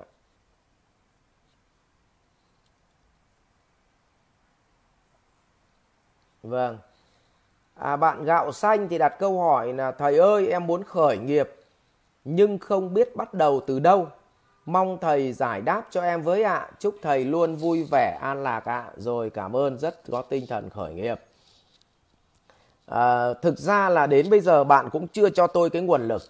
Mà muốn khởi nghiệp thì chúng ta việc đầu tiên chúng ta phải biết nguồn lực của mình ở đâu. Tức là mình có năng lực gì uh, mình có bao nhiêu tiền mình có bao nhiêu mối quan hệ và thậm chí là mình có bao nhiêu anh em bạn bè là nguồn nhân lực cốt lõi của của ta. Thì bây giờ chúng ta mới ra được cái phương pháp mà khởi nghiệp. Nhưng thôi à, tôi không bàn sâu về chuyện đó nữa bởi vì tôi thiếu dữ kiện thì tôi sẽ giải bài toán theo kiểu thiếu dữ kiện vậy. Tóm lại để bạn khởi nghiệp được thì việc số 1 bạn hãy ngồi bạn nghiên cứu cho tôi. Dạ. Bạn hãy liệt kê nếu mà bạn muốn giàu. Nếu mà bạn muốn giàu thì bạn liệt kê những ngành nghề mà thường kiếm được nhiều tiền nhất. Bạn lên mạng bạn search là cũng có chứ không cần phải hỏi ai cả à, nếu mà bạn muốn mà một cuộc sống yên bình và vui vẻ thì bạn lên mạng bạn search là những ngành nghề mà có cuộc sống ổn định và yên bình. À, ví dụ như nghề giáo viên cũng là một ví dụ tôi lấy ví dụ như thế. Thế thì bạn muốn khởi nghiệp theo kiểu gì? Bạn muốn khởi nghiệp theo kiểu bình yên hay khởi nghiệp theo kiểu để kiếm tiền bằng mọi cách? Thì bạn bắt buộc bạn phải lên mạng bạn search thế thì sau khi search được cái đấy xong thì bạn tìm ra một số cái ngành nghề mà bạn cho rằng là bạn yêu thích nó. Thì việc thứ hai bạn hãy xin việc vào một đơn vị như vậy để bạn làm thuê. Về lĩnh vực hoạt động đó bạn làm thuê. À, có thể là bạn cho rằng là em sợ rằng em không có năng lực vào đấy người ta không nhận. Bất cứ ai khi sinh ra đều không có năng lực về làm việc hết. Và qua thời gian người ta có năng lực chỉ có điều là bạn đòi bao nhiêu tiền thôi, để họ nhận. Vậy giả sử bạn chấp nhận làm không tiền đi, chuẩn bị tiền để tiền ăn một tháng đi, và chấp nhận làm không lương đi để xin vào làm đúng cái ngành nghề đấy mình thích, và hết một tháng, thì bạn chứng minh được năng lực của bạn, thì ít nhiều họ cũng cho bạn ít lương mà. Vấn đề thái độ của bạn và bạn cố gắng đến đâu. Thế thì như vậy là bắt đầu bạn thâm nhập được vào nghề, và bạn hãy theo theo cái nghề đó trong vòng độ khoảng 3 đến 5 năm thì bắt đầu bạn có góc nhìn về ngành nghề đó, bạn có nghiệp vụ về ngành nghề đó. Thì xong được cái bước thứ hai là bạn thâm nhập vào nghề để hiểu nghề. Bước thứ ba thì bạn đi học một lớp quản lý hoặc một lớp quản trị. Tôi nói như vậy không phải là tôi sale cái học viện siêu Việt Nam đâu nhé bạn có thể học ở đâu cũng được. Không các bạn lại nghĩ là vì thầy dạy quản lý với dạy quản trị cho nên thầy lại gạ em. Không phải, vì nếu tôi gạ bạn mà 5 năm nữa thì có có lẽ là chưa chắc tôi đã còn sống đến 5 năm nữa nhưng tôi đang vẽ lộ trình cho bạn và tôi cũng nói luôn để tránh tình trạng tiêu cực nó xảy ra trong não. Rồi ạ, thế thì à, sau đó bạn đi học những cái lớp quản lý và quản trị. Rồi lúc bấy giờ bạn hãy nghĩ đến khởi nghiệp. Còn khi mà bạn đặt một câu hỏi nó rất vu vơ thế này thì tôi tin chắc là nếu bạn khởi nghiệp nó cũng khá vu vơ vì nó không có cái dẫn, nó không có cái cái cái cái luận cứ nào để cho chúng ta làm cái căn cứ để chúng ta khởi nghiệp cả. Vì vậy là chúc bạn kiên định đi theo đúng con đường đó. Và nếu không nhầm thì tôi nghĩ là bạn cũng khá còn trẻ. Vì bạn đặt câu hỏi này, tôi đoán là một cái câu hỏi chung chung như thế tôi đoán là bạn cũng là người khá trẻ. Vì vậy 5 năm đối với cuộc đời một con người thì nó nó dài thì dài thật. Nhưng 5 năm để mà chúng ta có một bước vững chắc trong khởi nghiệp thì tôi cho rằng là 5 năm là rất ngắn. Bởi vì à, tôi phải mất hàng đến chục năm lăn lộn đủ các nghề và vất vả. Xong bắt đầu lúc bấy giờ mới có một chút kiến thức để khởi nghiệp nó gọi là chắc chắn mà vẫn phá sản oanh oạch ấy. Thì đấy là tôi ờ, chia sẻ với bạn như vậy bạn bạn ờ, nỗ lực đi từng bước như vậy và kiên định ờ, đi từng bước như vậy thì tôi tin là bạn sẽ sẽ sẽ thành công thôi. Rồi cảm ơn bạn chúc bạn thành công.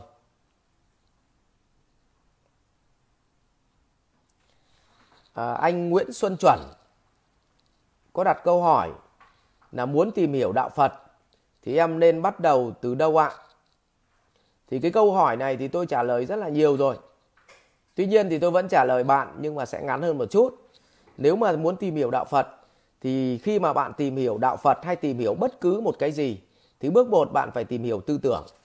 Tức là khi mà bạn vào một doanh nghiệp, thì bạn phải tìm hiểu về tư tưởng của của cái doanh nghiệp này hay chúng ta gọi là văn hóa của doanh nghiệp này. Ừ.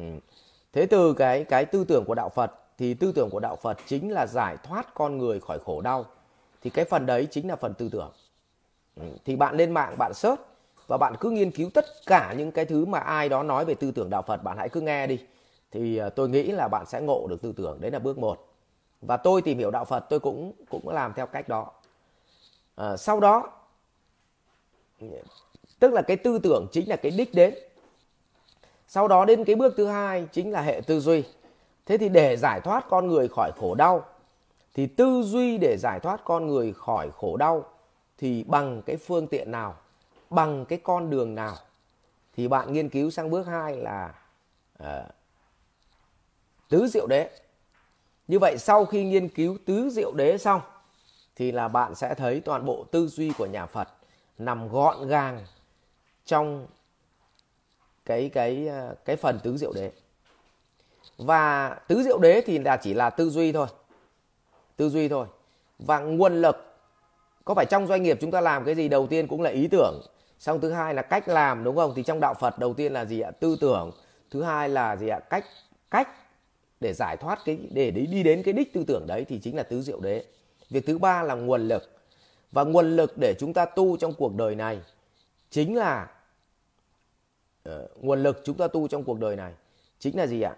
Chính là thân xác mình chính là những ngày tháng mình sống chính là những giờ mình lao động, chính là những người mình gặp, chính là những nghịch cảnh đã làm cho mình nhận diện ra và chính là những sai lầm đã giúp cho mình ngộ ra. Đấy, thì đấy chính là đời sống. Nó sẽ giúp cho mình là một cái phương tiện để cho mình vận hành cái tứ diệu đế ờ, và mình ngộ dần ra.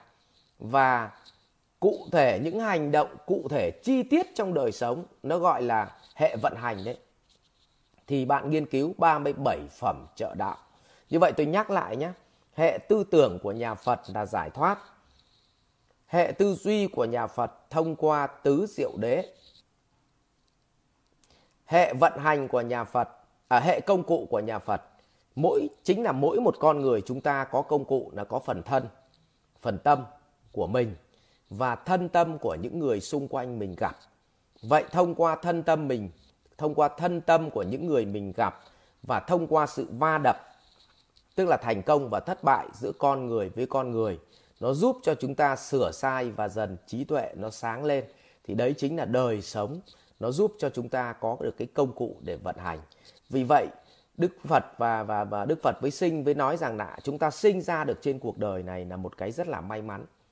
Và hãy tận dụng cuộc đời này một cách hữu ích nhất, vì không dễ để có cơ hội sinh ra trên cuộc đời này. Vì vậy tận dụng từng ngày tháng được sống một cách hữu ích nhất để nâng cao trí tuệ của bản thân mình lên. Thì đấy chính là hệ gì ạ? Hệ công cụ là mình, là thân tâm mình. À, là thân tâm người khác là nghịch cảnh người khác mang đến cho mình và những nghịch cảnh mình mang đến cho người khác thì thông qua những cái đó làm cho mình rút kinh nghiệm và mình tu sửa mỗi ngày và phương pháp tu sửa thì hệ vận hành. Bạn nghiên cứu 37 phẩm trợ đạo thì bạn sẽ ra được cái lộ trình của việc hành động uh, hàng ngày. Nó như thế nào? Thì như vậy là chúng ta sẽ tu được. Mà đấy là cách nghiên cứu đạo Phật đơn giản. Và rất nhiều anh hỏi tôi rằng là nghiên cứu đạo Phật thì thầy biết bao nhiêu loại kinh? À, thầy thuộc bao nhiêu kinh? Thì thưa các anh chị tôi không đọc kinh. Tôi không đọc kinh chứ còn nếu mà nghiên cứu hết kinh kinh kệ thì có lẽ phải đến 80 tuổi bạn mới hiểu. Và nguyên tắc của tôi thì kinh nó chỉ là phương tiện thôi. Và bạn hiểu được cái gì triết lý của nhà Phật đó là thứ quan trọng nhất. Bởi vì tất cả kinh kệ cũng chỉ để chứng minh cho triết lý nhà Phật mà thôi. Vì vậy nếu bạn hiểu được triết lý gốc của nhà Phật thì mọi kinh kệ không còn giá trị nữa. Rồi ạ và chúc bạn à, tìm hiểu được đạo Phật một cách chân chánh để đi đúng chánh pháp để tránh tình trạng mà uh, hiểu sai về đạo Phật chúng đi theo chúng ta đi theo con đường tà đạo thì khiến làm cho cuộc sống của mình đau khổ và gây nghiệp cho cuộc sống này. Rồi cảm ơn bạn. Rồi mời cả nhà uống nước ạ. Vâng.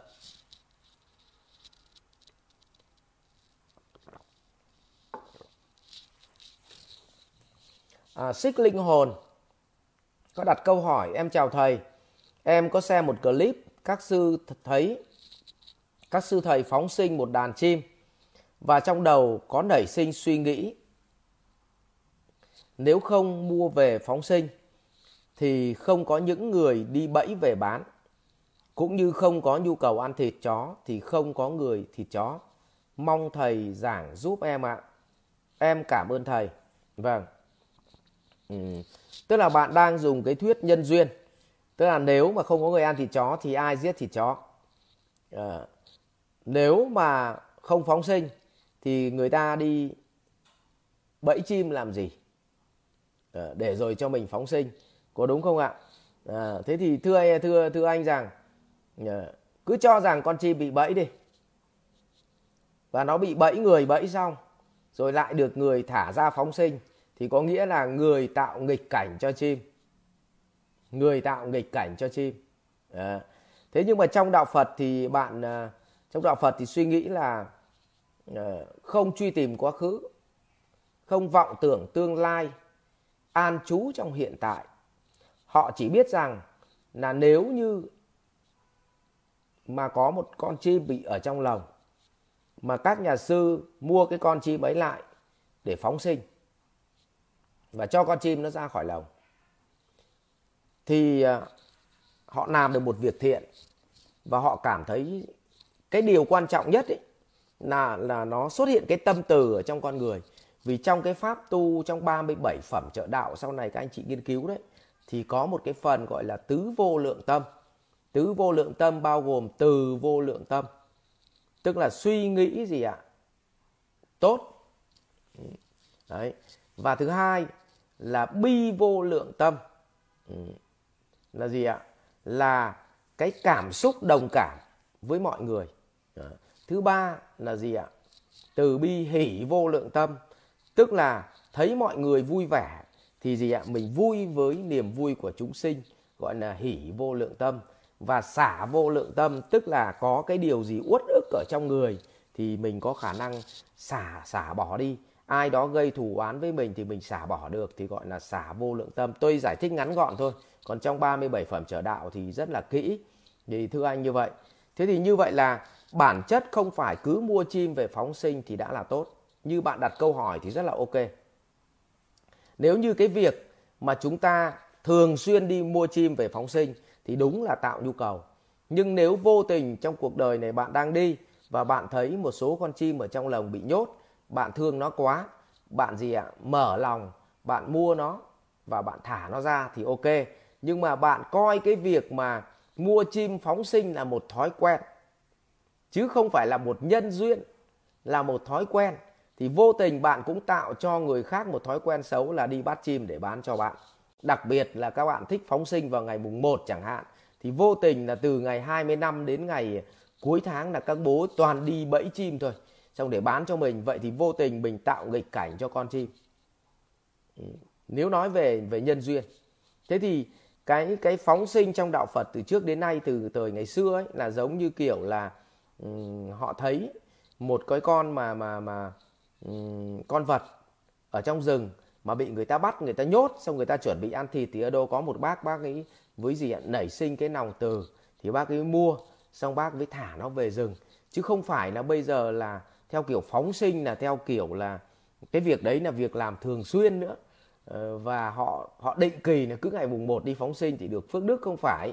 Vậy thì phóng sinh để giúp cho những con vật mà đang rơi vào hoàn cảnh nghịch cảnh để nó thoát khỏi cái nghịch cảnh đó, để giúp cho nó, thì như vậy nó gọi là gì ạ? Gieo cái lòng từ ở trong con người mình và khơi dậy cái lòng từ cho con người mình lên. Cho nên là cái việc mà ờ, làm theo kiểu tùy duyên để làm và cái việc đáng làm thì mình làm thì như vậy nó gọi là tránh kiến đấy giống như câu hỏi tránh kiến lúc nãy ấy. thì như vậy nó mới là tốt. Chứ còn bạn cứ ngày nào bạn thì cũng cũng xác định là cứ mùng 1 phải đi mua cá về thả mùng 1 phải đi mua chim về thả thì rõ ràng vô tình bạn tạo một cái nhu cầu rất là lớn. Hay là cứ mùng 1 là bạn phải đi đốt giấy tiền cho uh, các quan ở dưới âm phủ thì tự nhiên tạo điều kiện có ngành kinh doanh uh, giấy tiền vàng. Và thêm cái ờ, hệ sinh thái bụi mịn nó sẽ xuất hiện ở trong cuộc sống này. Rồi ok thế như vậy là để bạn hiểu là vậy thì phóng sinh nó cũng phải có trí tuệ. Ờ, cho nên đôi khi chúng ta con người ta không có tranh kiến ấy, tức là không có cái hiểu biết chân lý thì người ta cứ nghĩ là mua một cái con cá về thả có khi là uh, là tốt. Hoặc là mua một con chim về thả lên trời có khi là tốt nhưng mà chưa chắc đã là tốt. Ví dụ thú ở trong rừng bạn mua xong bạn thả về rừng thì rất là tốt. Nhưng mà cái con thú mà đang nuôi ở nhà xong bạn mua xong bạn lại thả vào trong rừng thì ngang với giết nó đi còn hơn còn gì nữa như vậy nó vẫn phụ thuộc vào cái việc mà ừ, cái sự trí tuệ của mình đến đâu. Và thực sự cái việc mình làm có làm cho cái cái động vật ấy ờ, nó hạnh phúc hơn không? Thì đấy với là là là là cái kết quả cuối cùng của hành động ấy. Chứ không phải là có nghĩa là thấy người ta mua chim thả là mình mua chim thả thì mình bảo thấy người ta có phước là mình có phước cũng không đúng đâu. Rồi ạ, cảm ơn bạn. Câu hỏi của bạn rất là hay. Nó giúp cho con người ta biết cách làm từ thiện một cách đúng nghĩa chứ không phải là bạ đâu là từ thiện đấy. Và cứ nghĩ rằng mang cái gì đi cho người ta là đấy là gì ạ? Đấy là tốt chưa chắc. Nếu cho người ta mà làm cho cuộc sống người ta tệ thì đấy có khi là hại người ta. Và điển hình chúng ta có được cái vở trèo là lưu bình dương lễ. Mang cái quả cà ghém và bát cơm thiêu cho bạn thì đấy chính là lại là động thái giúp cho bạn à, phát triển và trưởng thành hơn. Nhưng mà nếu mà chiêu đãi bạn cơm gà cá gỡ thì có khi lại hại bạn thì đôi khi có những việc chúng ta tưởng là ác nhưng lại là thiện.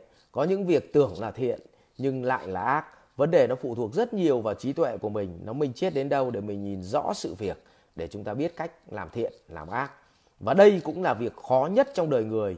Cho nên trong đạo phật lấy trí tuệ lấy trí tuệ làm sự nghiệp. Bởi vì nếu anh không có trí tuệ thì anh không biết đâu là thiện, đâu là ác. Giúp con nhưng đôi khi là hại con. Nhưng nhiều khi mà khó chịu với con một chút thì có khi lại là gì ạ? Tốt với con. Đấy. Thế thì ở đây là nó nó phụ thuộc rất nhiều vào trí tuệ.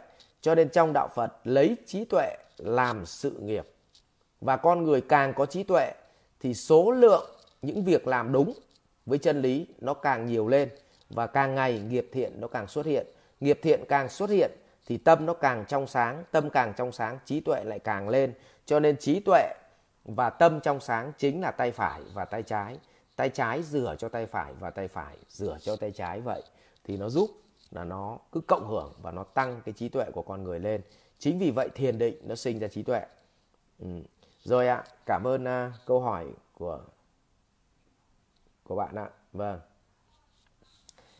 Vũ trung thắng có đặt câu hỏi thầy ơi tâm tốt nhưng không có tố chất để thể hiện ra bên ngoài thì nó có ảnh hưởng đến cách sống của mình không ạ? Tất nhiên là có rồi bạn.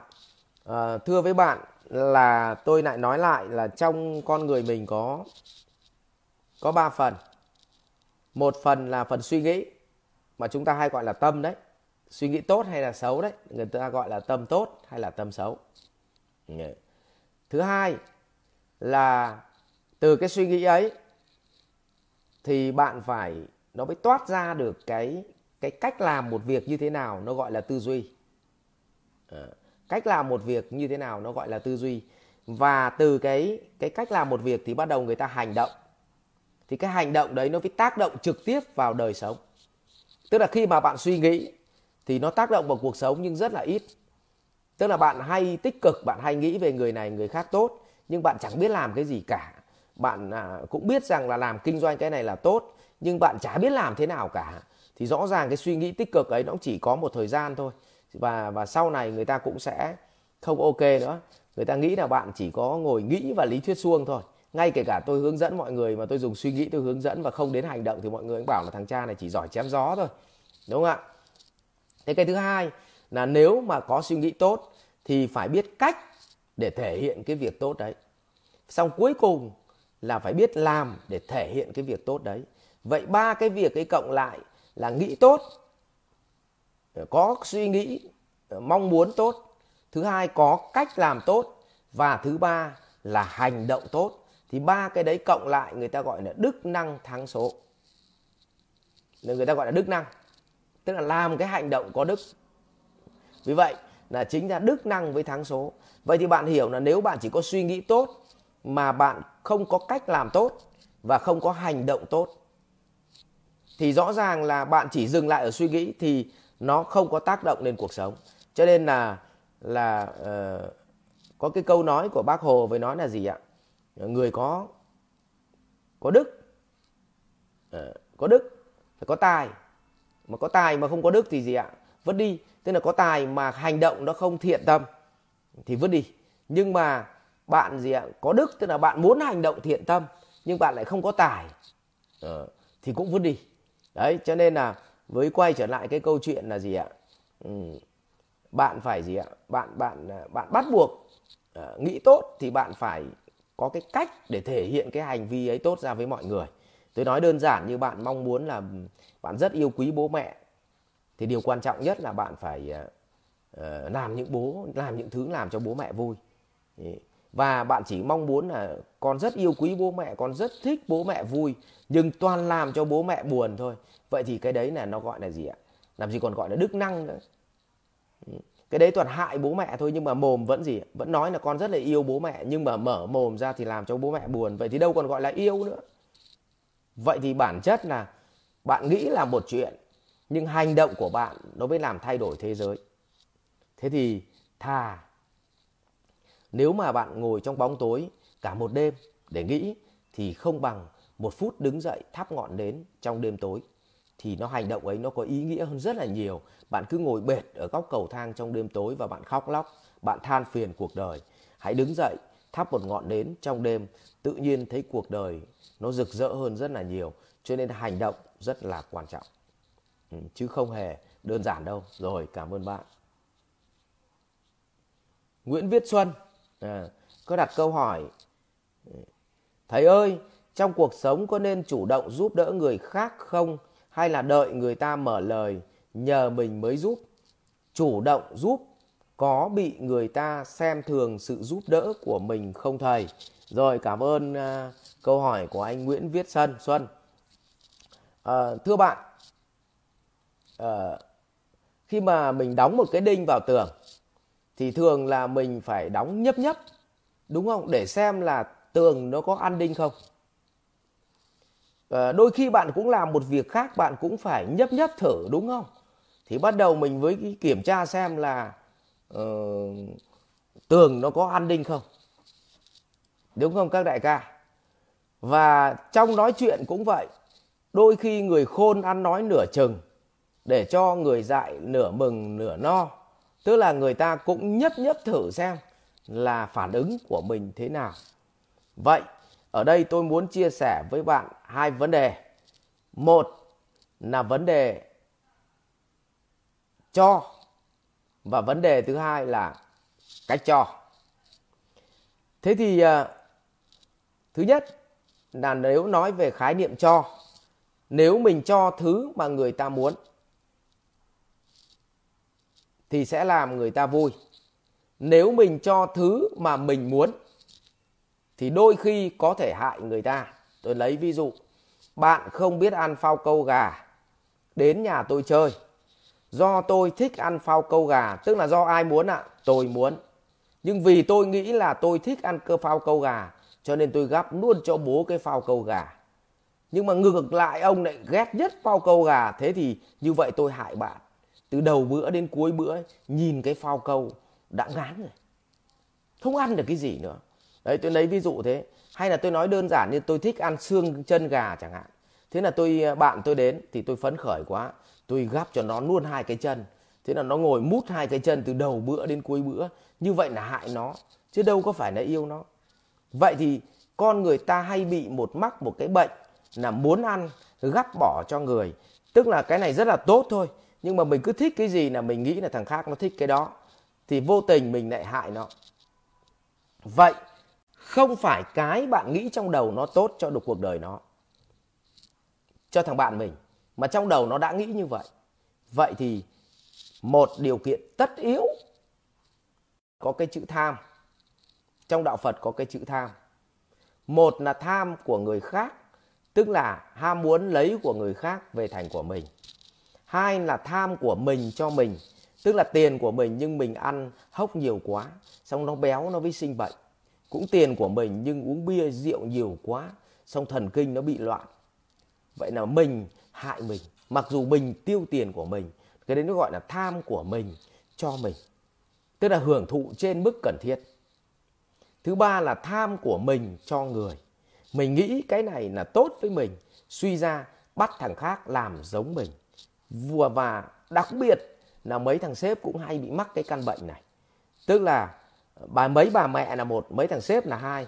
Mấy bà mẹ thì nghĩ là mình giỏi cho nên là muốn dạy con mình nó giỏi như mình ngay lập tức thì vô tình làm cho cháu nó ức chế và khiến cho nhiều đứa trẻ nó muốn tự tử, nó chết và nó muốn gặp, nó cứ mỗi lần gặp mẹ là nó cảm giác như gặp yêu quái vì nó sợ quá.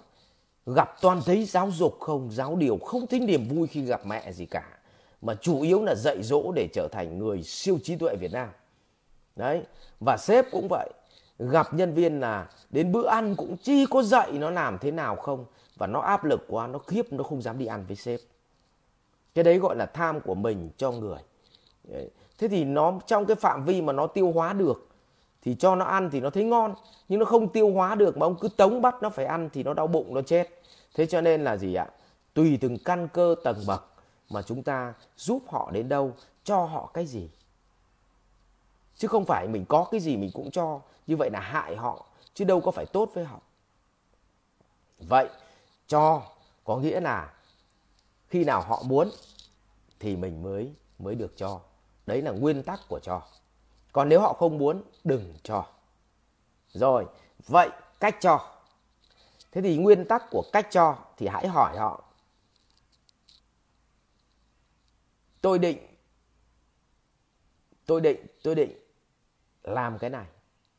Xem bạn ý kiến bạn thế nào. Nó bảo, ui, thế thì tốt quá, ông giúp tôi với. À thế cho được. Nhưng mà gì ạ? Vừa nói là tôi định chia sẻ với ông một cái video về một cái phương pháp kinh doanh hay lắm. Tôi thấy, tôi nghĩ là có khả năng dùng được. Nó bảo gì ạ? Nó quay sang nó nói chuyện, thế hôm qua mày có đi tán gái không? Thì có nghĩa là bạn vừa nói cái câu video ấy là người ta không có hề để ý đến cái lời bạn vừa nói. Thì thay vì cái câu nói đấy chính là cái câu nói mà nó trả lời bạn là gì? Tao không quan tâm. Thế thì mà mình tiếp tục nói về cái câu video đấy, có nghĩa là mình gì ạ? Sai lầm. Hay là ví dụ, tôi có một cơ hội kinh doanh.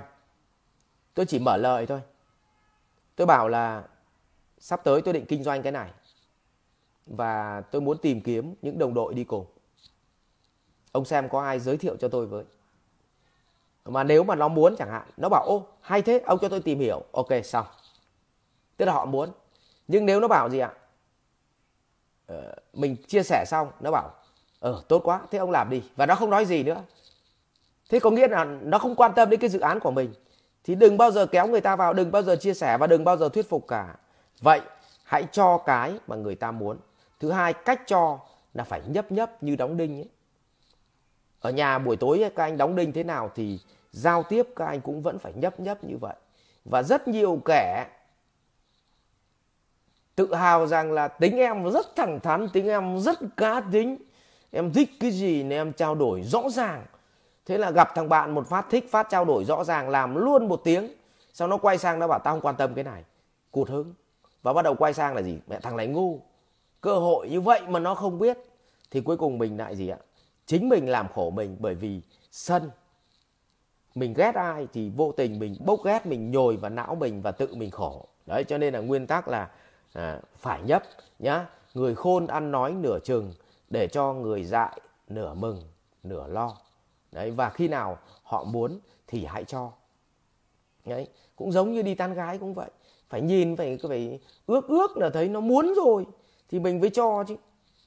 À, trong khi không cẩn thận là ông không biết là muốn hay không, ông cứ cho. Xong đến lúc nó cũng sướng, mình cũng sướng, nhưng cuối cùng thằng vào tù là mình. Đấy, ông thấy không? Đấy nhá. Đấy, rút kinh nghiệm, cho nên là cho phải có cách cho, người ta gọi là của cho. Không bằng cách cho. Đã hiểu ý chưa ạ? Rồi, chúc bạn cho phát nào được phát đấy. Cho phát nào nhân dân hạnh phúc phát đấy. Rồi, cảm ơn câu hỏi của bạn. Rồi. Cả nhà nghe thấy có dùng được không cả nhà? Tối nay thử dùng xem, cho đúng cách xem nào. Xem cuộc sống nó có hạnh phúc hơn không?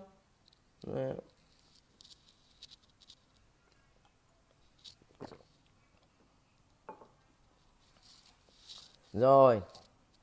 Anh à, phạm ngọc đông có đặt câu hỏi thầy có thể chia sẻ về việc làm thế nào để xây dựng được mối quan hệ không ạ? Việc mình đang còn ít tuổi và chưa có nhiều mối quan hệ chất lượng thì có sao không ạ? Em cảm ơn thầy. Cảm ơn câu hỏi của bạn. Tôi cũng có suy nghĩ giống như bạn lúc còn trẻ.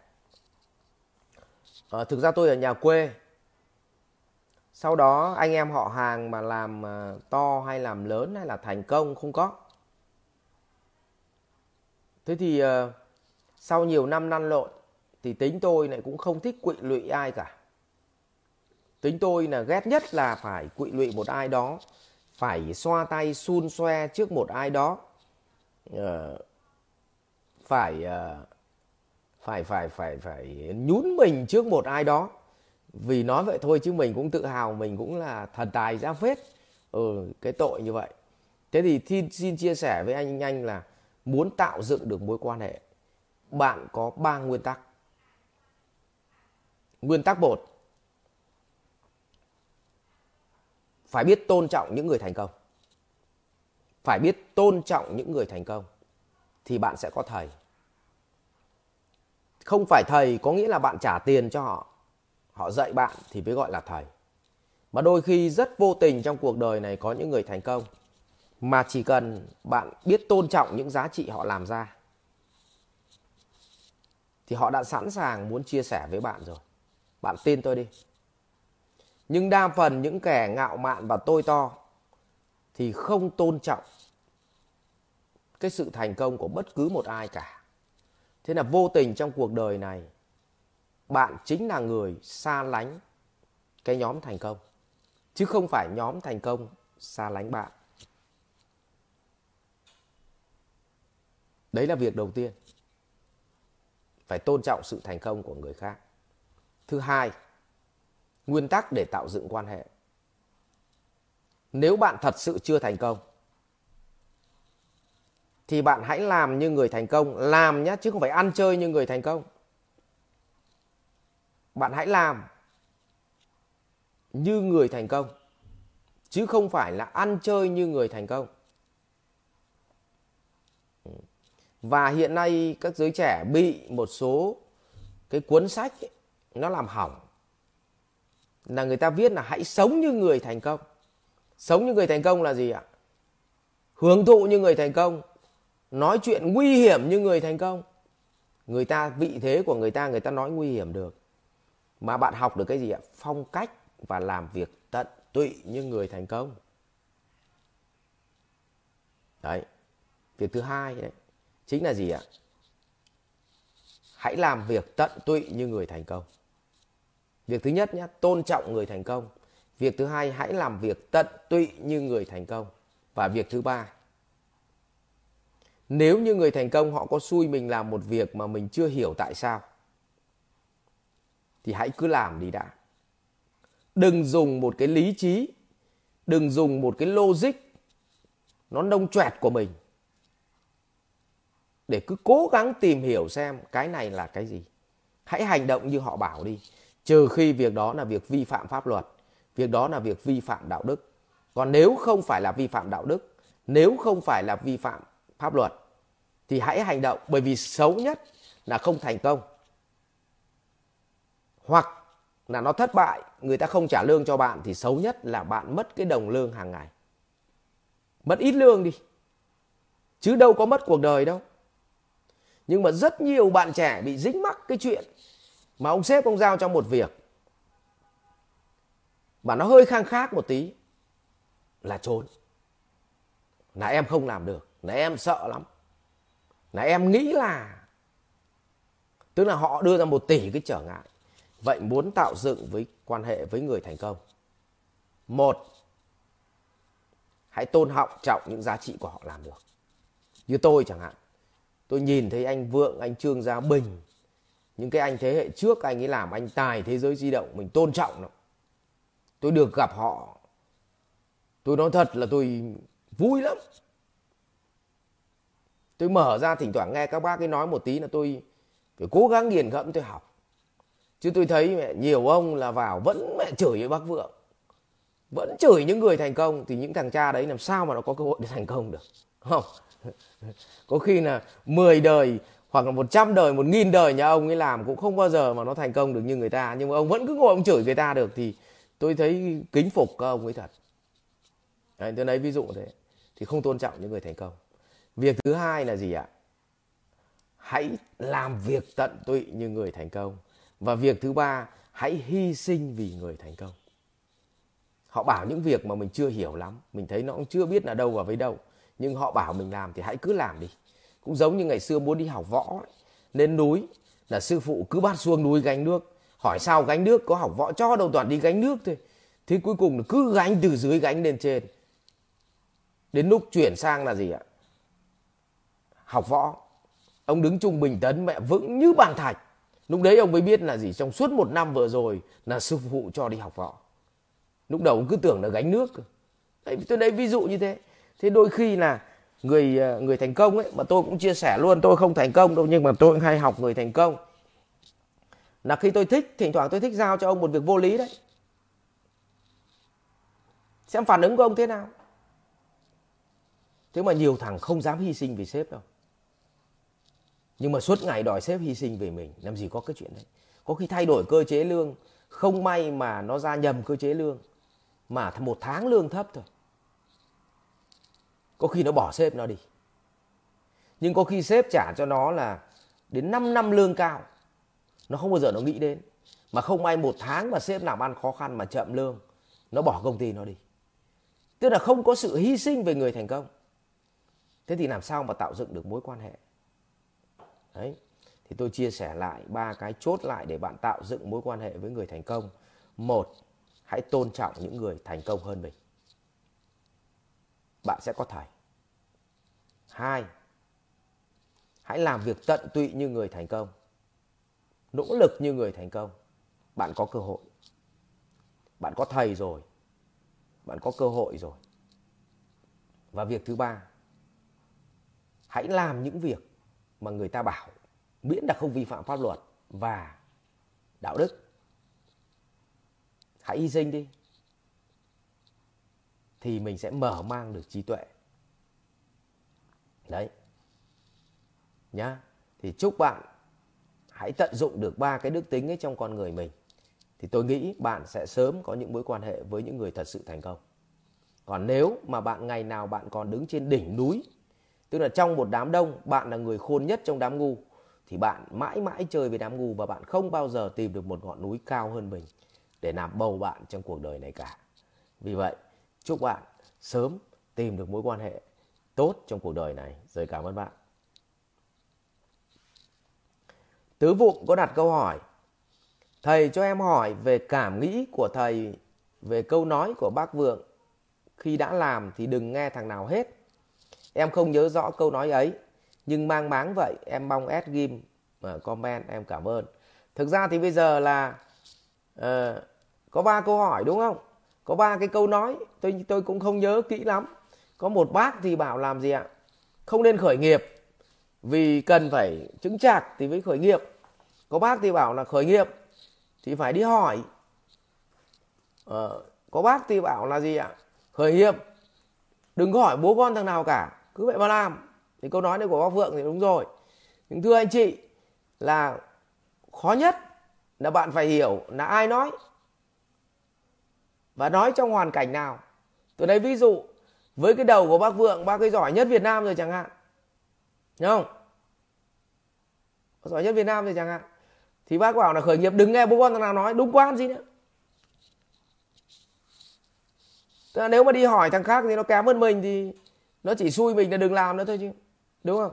Vậy thì nếu mà ở cái tâm thế mà hoặc là người ta khuyên một ai đó, ví dụ nếu tôi gặp một người rất là giỏi và họ giỏi bằng tôi rồi chẳng hạn, hoặc là giỏi hơn tôi. Tôi thấy đến tôi còn kính phục họ. Thì họ bảo, theo ông thì khởi nghiệp có, tôi có nên tham khảo ý kiến không? Tôi bảo, giỏi như ông thì chó phải tham khảo thằng nào. Đúng không nhưng mà ngược lại thì nếu tôi gặp một đứa mà nó non choẹt chẳng hạn, nó bảo, thầy em có em nên, em em, thầy có thấy là em có nên khởi nghiệp không? Thì tôi bảo là, chưa được đâu mày. Mẹ khởi nghiệp mày chết đấy. Từ từ nhưng mà ngược lại gì ạ? Tôi thấy một ông có năng lực nhưng mà thiếu một vài cái điểm mấu chốt mà ông ấy chưa thể nào mà không có cái điểm mấu chốt đấy thì trong khởi nghiệp ông sẽ thất bại. Thì tôi bảo là gì? Ừ, ông cần phải nghiên cứu kỹ đi đi tham khảo một số người đi trong lĩnh vực này xem họ họ sẽ khuyên ông thế nào. Tôi đấy ví dụ đấy là một cái cách. Thế thì như vậy là trong mỗi hoàn cảnh cụ thể người ta đưa ra lời khuyên. Vì vậy là không có lời khuyên nào đúng mà cũng không có lời khuyên nào sai. Nó chỉ là lời khuyên nào đúng trong hoàn cảnh nào mà thôi. Cho nên ở đời muôn sự của chung ăn nhau ở chỗ khéo dùng hay không. Đúng không? Lá mơ thì lại phải ăn với thịt chó. Nhưng mà nếu mà lấy lá mơ mà ăn với thịt lợn thì lại vứt đi. Đúng không? Nhân sâm gì ạ? À? thì uống cho người bình thường, uống thì nó rất là khỏe. Nhưng lúc đau bụng mà gặm nhân sâm thì là gì? Tắc tử. Vậy thì có tội có phải tại cái nhân sâm đâu. Tội cũng không phải là câu nói, mà tội là của thằng dung mà. Đúng không ạ? Đấy. Tội là của thằng dung. Chứ đâu có phải tội của của cái vật dụng đâu. Khẩu súng nó không có tội. Vấn đề tội của thằng cầm khẩu súng nó bắn chết người chứ. Đúng không? Thế còn ừ, ừ, khẩu súng nó đâu có tội. Đấy, thì tôi muốn chia sẻ với bạn là câu nói đấy của các bác ấy thì của ai cũng đúng. Chỉ có điều dùng trong hoàn cảnh nào ờ, nó đúng và dùng trong hoàn cảnh nào thì biến câu nói đúng thành sai mà thôi. Và đây cũng là một thứ cực kỳ khó trong đạo Phật. Vì à, thường là trong đạo Phật kinh ấy, là người ta ghi lại những cái kinh chính là các câu chuyện, kể lại những cái thời khắc mà Đức Phật còn sống. Thì Đức Phật có khuyên người nọ, khuyên người kia. Nhưng bạn chỉ đọc đến lời khuyên của Đức Phật thì bạn chết, tẩu hỏa nhập ma. Mà bạn phải đọc được lời khuyên của Đức Phật trong hoàn cảnh nào? Tại sao Đức Phật lại đưa ra lời khuyên đấy? Và nếu như bạn là một tỳ kheo đi cạnh Đức Phật có thể bạn lại bảo Đức Phật gian là vì có thể là Đức Phật gặp người này trong hoàn cảnh này thì Đức Phật lại khuyên là mày đừng làm việc đấy. Nhưng gặp người khác trong hoàn cảnh khác nhưng mà uh, cái tình huống tương tự thì Đức Phật bảo dũng cảm lên con. Ví dụ như thế thì như vậy là bản chất là trong cùng một cái câu hỏi là người ta hỏi em có nên khởi nghiệp hay không? Thì nếu là tôi thì tôi phải dựa vào hoàn cảnh tôi sẽ có ba đáp án khác nhau. Vậy thì nếu mà thư ký của tôi mà đi cạnh tôi thì nó bảo mẹ thầy kiểu gì? Thầy toàn nưa thôi. Lúc thì thầy bảo là mày khởi nghiệp đi. Lúc thì bảo là từ từ em ạ. Lúc thì bảo là gì ạ? Mày không khởi nghiệp được đâu. Vậy thì theo thầy là thế nào gọi là khởi nghiệp được có khi thầy lừa em? Thầy nươn. Nhưng mà không phải. Vậy thì cái người tinh tế là người ta nhìn thấy cái hoàn cảnh của người đối diện để đưa ra lời khuyên cho nó phù hợp với cơ địa. Đấy. Chính vì vậy nó gọi là gì ạ? Cùng tầng bậc. Đấy thì chia sẻ mình phải lồn người mình xuống thì mình chia sẻ nó rất là phù hợp. Rồi ạ chúc bạn uh, sử dụng được các câu nói trong đúng hoàn cảnh và nó tạo ra giá trị đối với đời sống. Đấy với là đích đến của cuộc đời này. Rồi cảm ơn bạn. À, Nguyễn Hoàng Hải có đặt câu hỏi thầy ơi em yêu một cô gái mà chưa có tiền trong túi thì sao vậy thầy? Thưa anh là về về tiền thì nhiều lắm rồi. Tiền là tiên là phật là sức bật của lò xo là thước đo của cuộc sống. Đấy vân vân. Ừ. thế thì thưa anh rằng là con người chúng ta có bốn mặt trận. Mặt trận đầu tiên là uh, mặt trận sức khỏe. Nào nếu như chúng ta muốn khỏe chúng ta cần có tiền không? Có. Bởi vì hàng ngày vẫn phải ăn vẫn phải uống vẫn phải mặc uh, vẫn phải có tiền để dành một tí cho đầu nó thảnh thơi. Thì người nó mới khỏe rồi đi tập gym cũng phải nộp tiền chứ đúng không ạ? Đấy thì như vậy việc đầu tiên là uh, mặt trận thứ nhất là mặt trận gia đình ờ, à, sức khỏe cần tiền. Mặt trận thứ hai là mặt trận gia đình có cần tiền không ạ? Có. Bố ốm có biếu bố ti tiền không? Ông nội ốm có biếu ti tiền không? Ông ngoại có biếu ti tiền không? Ờ, hàng tháng có đưa tiền cho vợ không? Ờ, đúng không? Rồi con ốm đi bệnh viện ờ, có phải nộp tiền không? Mua sữa cho con có phải nộp tiền không? Con đóng học có phải nộp tiền không? Vậy muốn có một gia đình hạnh phúc, vẫn phải có tiền. Ngay kể cả lúc có bồ thôi đã phải cần tiền rồi. Đi uống nước có phải trả tiền không? Ngày lễ, ngày tết mua quà có trả tiền không? Ừ. hay là xin tiền người yêu, nhục? Vậy mặt trận gia đình cần tiền, mặt trận gì ạ? Sức khỏe cũng cần tiền. Và mặt trận tư tưởng có cần tiền không? Có. Nói vậy thôi chứ, đi chém gió với bạn bè, nói câu chuyện lớn, câu chuyện nhỏ mà trông ông mẹ chẳng có cái mẹ gì. Đứa nào nó tin? Thế ví dụ như tôi hướng dẫn mọi người làm kinh doanh mà tôi chả biết kinh doanh thì ai tin? Mà kinh doanh thì lại chả có tiền thì ai tin? Cho nên là tiền nó tạo ra mặt trận tư tưởng, tiền nó tạo ra mặt trận gì ạ? Sức khỏe. Tiền nó tạo ra mặt trận về gia đình. Và tất cả mặt trận đều cần tiền. Vậy mặt trận nào làm ra tiền? Sự nghiệp. Chính vì vậy, thằng đàn ông coi sự nghiệp là số 1 vì sự nghiệp là bệ phóng để tạo giá trị của ba mặt trận kia. Và nếu ông mất bệ phóng, thì ba giá trị kia đổ sập. Cho nên ông ấy hỏi tôi rằng là gì ạ? Có cần tiền không? Tiền có cần giá trị cho tạo ra giá trị trong cuộc sống không? Thì xin thưa với ông, không có tiền, gia đình tan vỡ. Không có tiền, ông không có sức khỏe. Không có tiền, ông mất mặt trận tư tưởng ông muốn giúp đỡ ai không giúp đỡ được ông muốn làm từ thiện ông không làm được ông muốn làm một cái gì đấy không lương và đi lên miền núi dạy học cho các cháu, ông không bỏ được ông muốn để công ty đấy, ông không kiếm tiền nữa ông đi lang thang, nhìn thế giới đó đây, hệ tư tưởng đấy. Ờ, một tháng đi du lịch nước ngoài, ông không dám đi vậy mặt trận tiền chính là mặt trận cốt lõi để tạo nên ba mặt trận còn lại. Và nếu bạn có tiền và chọn cách ứng xử tốt nữa thì ba mặt trận còn lại là xong. Cho nên tiền rất quan trọng. Nhưng không phải là tất cả. Vậy, để trở thành một người đàng hoàng, bắt buộc phải có tiền để đủ sống.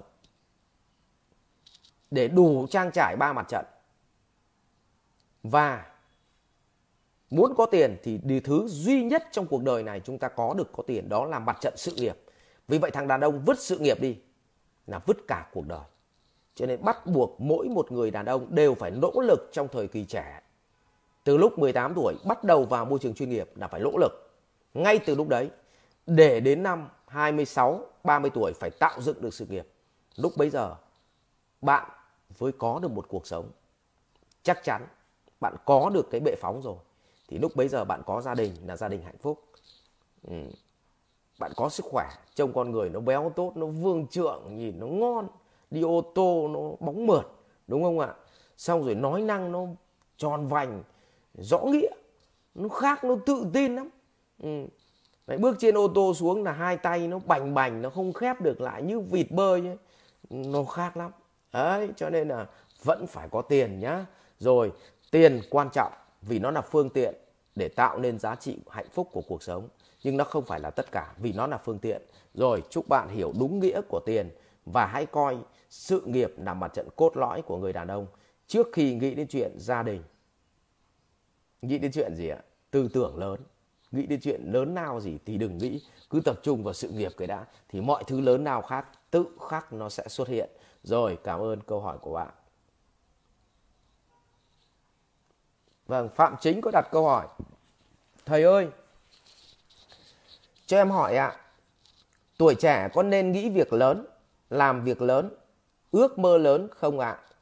Em nhờ S ghim hộ câu hỏi. Em cảm ơn. Rồi cảm ơn Phạm Chính.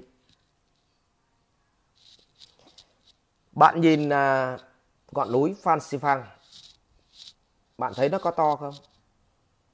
To. Lớn không? Lớn. Và nếu bạn 6 tuổi bạn có ước muốn leo lên ngọn núi đấy? Và tôi cho bạn leo lên lúc bấy giờ, bạn có leo được không ạ? Không. Không leo được. Thế nhưng mà nếu hàng ngày tôi chịu khó, tôi xây cái nhà 5 tầng và tôi chịu khó cho bạn leo cầu thang, cứ leo lên, leo xuống, thì vào một ngày đẹp trời, tôi sẽ ném cho bạn leo ngọn núi đấy, thì tôi tin chắc là bạn leo được. Vậy thì vấn đề ở đây nó nằm ở chỗ là gì? Bạn nghĩ lớn cũng được. Bạn ước mơ lớn cũng được. Nhưng tôi xui bạn là hãy hành động từng việc nhỏ cho thật tốt. Và sai lầm lớn nhất của giới trẻ bây giờ, một số bạn giới trẻ bây giờ bị những thứ cài cắm, những thứ nguy hiểm vào đầu là nghĩ lớn, làm lớn. Nghĩ lớn nhưng mà làm nhỏ thật tốt thì rồi nó sẽ thành lớn. Chứ không phải nghĩ lớn làm lớn. Vì tôi nói với bạn là lực lượng quan hệ, lực lượng sản xuất và quan hệ sản xuất là hai mặt nó ảnh hưởng đến nhau ghê gớm. Tức là bạn muốn làm lớn nhưng trí tuệ của bạn chưa làm được việc nhỏ thì sao bạn làm được việc lớn? Vậy chúng ta phải tập làm việc nhỏ.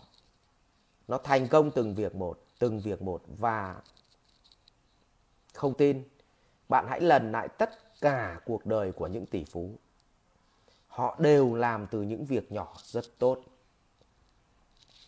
Để có được chuỗi cà phê trung nguyên, anh vũ anh làm cái quán cà phê đầu tiên rất tốt. Để có được một chuỗi phở ngon, thì cái người đấy họ làm quán phở đầu tiên rất tốt.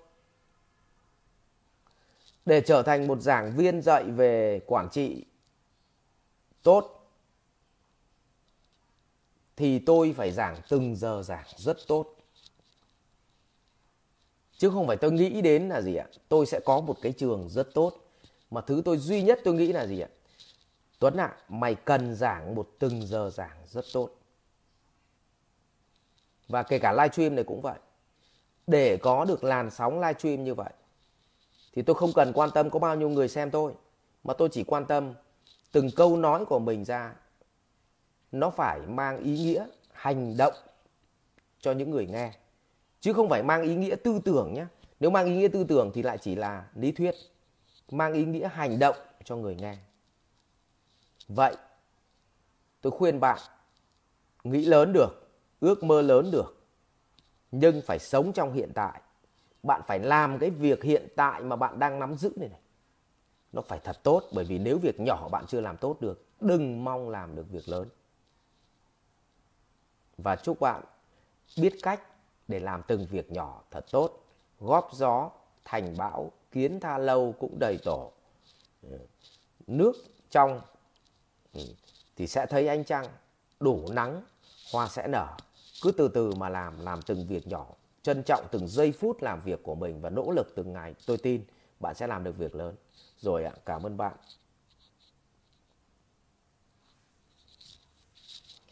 Mel Phạm có đặt câu hỏi thế này. Thầy cho con hỏi về kinh nghiệm trong tử vi như là tam hợp, như là tứ hành xung liệu có đúng không? Con gặp mà ngoài cuộc sống nghiệm thấy các trường hợp rất đúng ạ. Con cảm ơn. Vâng. Thưa anh chị là giờ sinh ngày sinh tháng sinh và năm sinh. Nó là tổ hợp chập 4 của giờ sinh là 12 giờ. Tháng sinh thì tương ứng cũng 12 cái gì ạ? Tương ứng với 12 con giáp. À, năm sinh thì nó có chu kỳ là cũng 12 con giáp đúng không ạ? Và à, giáp ất bính đinh mậu kỷ canh tân nhâm quý là cũng là 10 như vậy nếu lấy tổ hợp của 4 thì nó rơi vào khoảng 3 triệu 6 cái lá tử vi khác nhau. Còn chưa tính phước đức. Thế thì thưa anh chị rằng là như vậy nếu dân chúng ta là khoảng 100 triệu dân thì cứ ba người ờ, thì cứ cứ ờ, cứ ba người thì sẽ chung một lá lá số tử vi. Đấy. Thế thì cuộc sống của ba người có giống nhau không thì tôi trả lời là không. Không, không thể giống nhau được. À, vậy thì nói đến tử vi là người ta nói đến phần thân. Bởi vì mỗi một giờ sinh ngày sinh tháng sinh năm sinh thì à, giờ sinh nó biểu hiện cho vị trí của mặt trời với trái đất ngày sinh thì nó liên quan đến gì ạ? Cái chu kỳ ờ, quay của mặt trăng với trái đất. Ừ. thứ ba là tháng sinh nó liên quan đến mùa trăng khoảng cách. Và năm sinh ừ, nó cũng liên quan đến câu chuyện của mặt trời. Vậy thì ngày tháng năm thì nó liên quan đến toàn bộ câu chuyện của địa lý và nhiệt độ. Và con người ta thì tạo thành bởi bốn thứ. Nó gọi là uh, thân tứ đại bao gồm đất nước lửa và gió. Và thân mình chính là thân vật lý. Và thân vịt vật lý này sinh ra trong trời đất thì nó ảnh hưởng đến cũng ảnh hưởng bởi địa lý. Và từ địa lý nó ảnh hưởng đến vật lý. Tức là liên quan đến nhiệt độ cũng đất nước lửa và gió ở mỗi một thời khắc. Thế cho nên mỗi một người có một cái cơ địa nó sẽ khác nhau. Nhưng toàn bộ tính cách và phước báu nó phụ thuộc vào cái cách mà trong vô lượng kiếp chúng ta tích đức ra sao. Vậy thì nói đến tử vi là thường người ta nói đến phần thân nhiều hơn đến phần tâm. Cho nên là tại sao cũng là hai con người. Nếu đo nhiệt độ đều là 37 độ. Nhưng nếu mà sờ vào thân của phụ nữ nó mát rượi động vào thân thằng đàn ông làm sao? Nó nóng. Nhưng cứ kẹp nhiệt độ vào háng mà đo, vẫn chỉ có 37 độ. Ôi nhưng kỳ làm sao cứ sờ vào háng là nóng. Mà sờ vào da thì là mát. Ờ, vậy thì nó là cái gì? Đấy nó chính là liên quan đến cái gì ạ? Thân tứ đại đất nước lửa và gió. Vì vậy sinh ra ở mỗi một thời điểm khác nhau thì bắt đầu nó mới sinh ra là mệnh của chúng ta khác nhau. Nó mới liên quan đến gì ạ? Ừ. ờ, kim mộc thổ thủy hóa. Nói đến cái gì ạ? Ừ. mệnh đến là mệnh kim hay là mệnh thổ hay là mệnh của đất hay là mệnh cái gì người ta nói đến đến mệnh. Và bắt đầu từ đấy nó mới suy ra tính cách. Nóng nảy hay là là mát tính hay là cái gì đấy. Thì nó nó nó nói từ cái phần thân thì nó suy ra cái phần tâm thôi.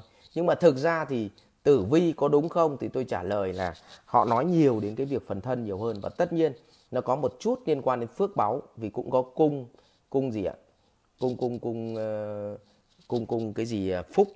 Ừ. đấy. Thế thì uh, tôi thì tôi không tin tử vi. Vì tử vi nó chỉ giải quyết cái bài xuất phát điểm của ta là ai thôi. Thế còn lại là đức năng thắng số. Đức năng nó mới thay đổi toàn bộ cái số tử vi của chúng ta. Thế còn cái thời khắc mình sinh nó liên quan nhiều đến phần thân là thân tứ đại đất nước lửa và gió. Nhiều hơn. Cho nên là uh, tôi không có xem tử vi. Và tôi cũng không tin nhiều đến chuyện đấy. Nhưng mà tử vi nó cũng họ xem được vì nó liên quan đến cấu trúc của phần thân. Cho nên họ có thể xem được là thời điểm ốm đau bệnh tật và có cái nguy cơ là thọ mạng hay yểu mạng thì nó liên quan rất nhiều đến cái việc phần thân.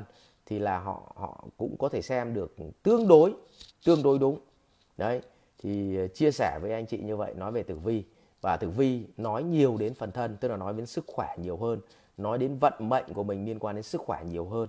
Ờ, ốm đau bệnh tật thời điểm nào khỏe thời điểm nào yếu thời điểm nào chết họ nói được nhiều hơn. Rồi ạ à, cảm ơn ờ, câu hỏi của bạn à, anh Phan có đặt câu hỏi là chào thầy em là người thợ điện bình thường thu nhập không cao làm được cái nhà phải đi vay và bây giờ đang lo trả nợ. Thế mà trong đầu vẫn suy tư muốn nhiều thứ như mua xe mua đất mà không biết có tiền để mua hay không. Liệu em có tham không hay từ bỏ suy nghĩ cho nhẹ đầu? Uhm, thực ra thế này tôi cũng không khuyên anh là bỏ suy nghĩ là phải mua xe mua đất. Nhưng tôi cũng khuyên anh không nên nhớ nó ở trong đầu. Và tôi chỉ khuyên anh một điều là nếu như những ngày hôm nay anh đang nỗ lực một mà anh thấy mà sức của mình còn nỗ lực được hơn nữa thì anh cứ nỗ lực lên 1,2.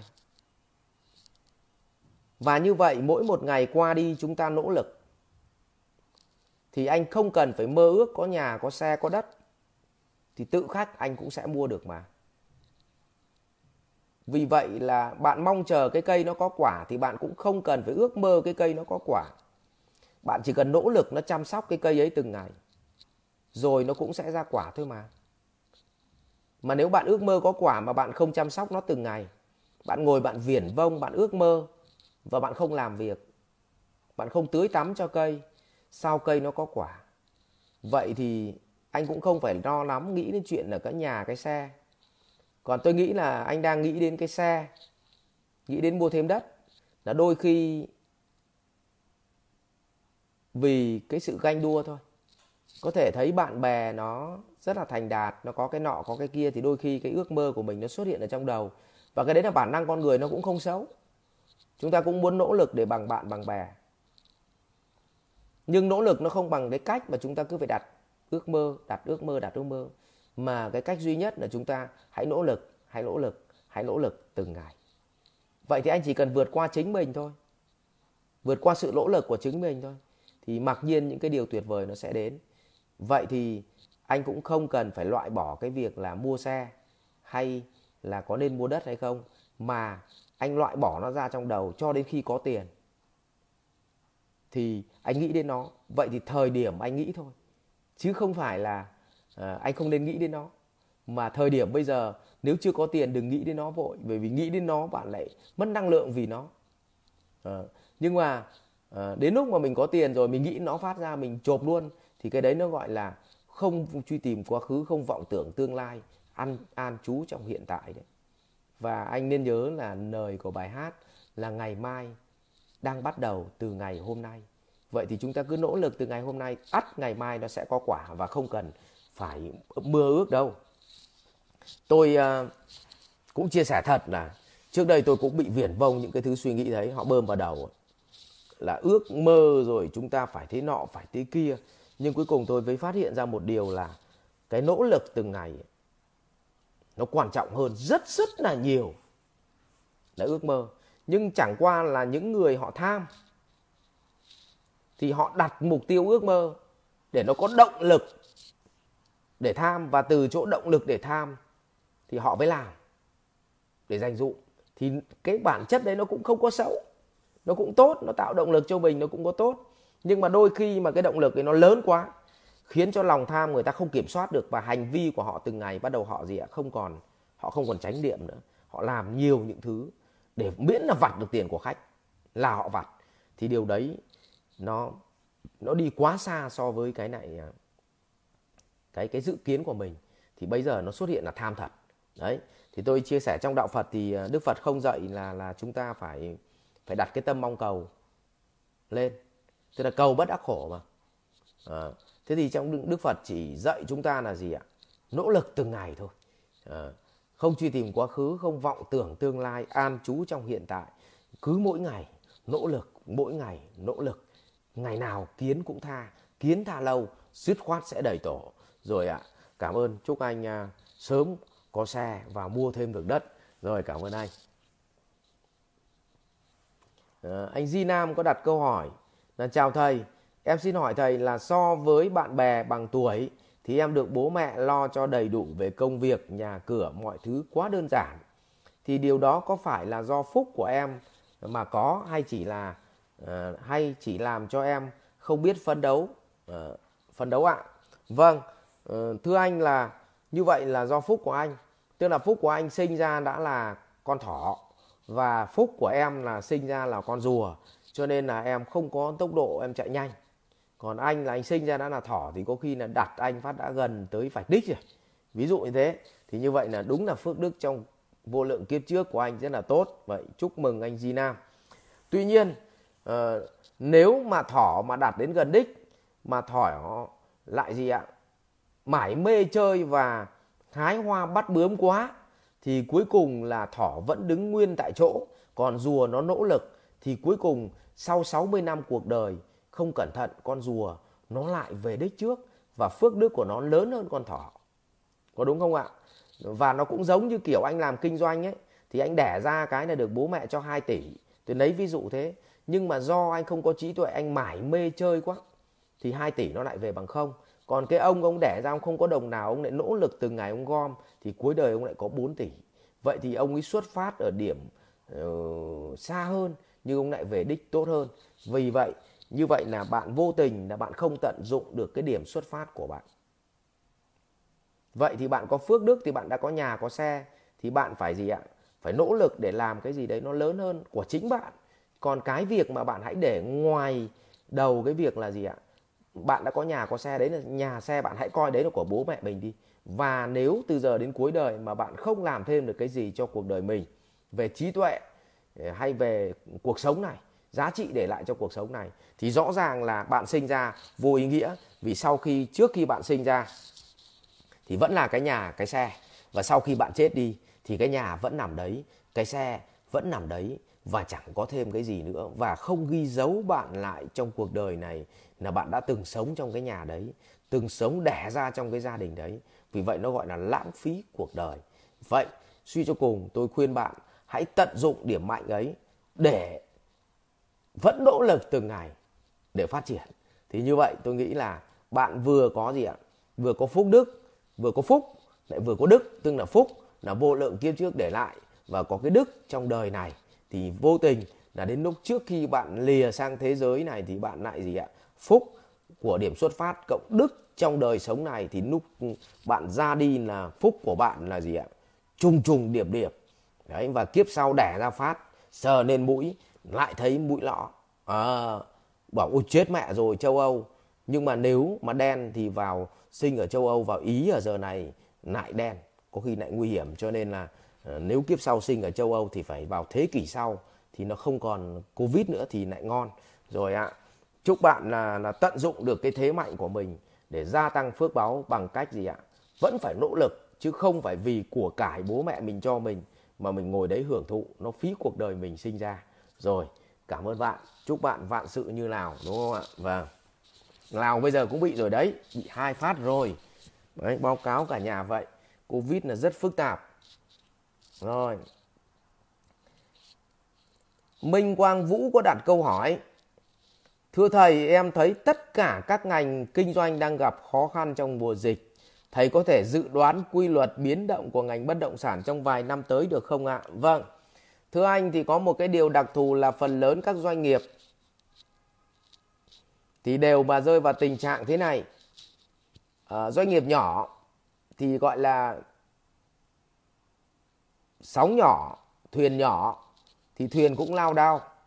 Mà doanh nghiệp lớn thì thuyền lớn thì sóng lớn thì cũng lao đao. Như vậy cũng chẳng có ông nào gọi là nhẹ nhàng đâu. Chỉ có ông nào mà tích lũy lương thực trên con thuyền của ông ấy.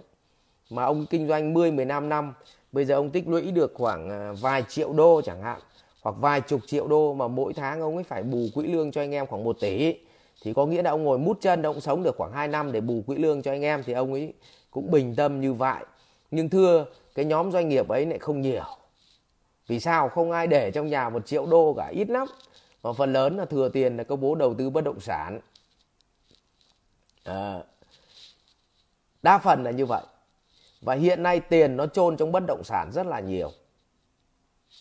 Và khi nó chôn trong bất động sản như vậy thì cái dòng tiền mà ông cần dòng tiền mặt ấy Ờ, để hỗ trợ nhân viên để trả tiền những cái tiền định phí của công ty mà doanh thu nó chưa nó chưa về thì không có dòng tiền mặt thì bắt đầu sẽ có một cái luồng bán tháo bất động sản bán tháo bất động sản và đặc biệt một số chú không có tiền để trả lãi ngân hàng thì bắt đầu là uh, ngân hàng cũng cũng bắt buộc phải phải đưa vào nợ xấu và có thể phải thanh lý bất động sản sớm hơn ừ, để để để để để cắt nợ.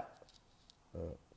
thế thì như vậy là ờ, sẽ có một cái luồng bất động sản được bán ra từ một số các đại gia đã ôm bất động sản trước đây để đầu tư bất động sản.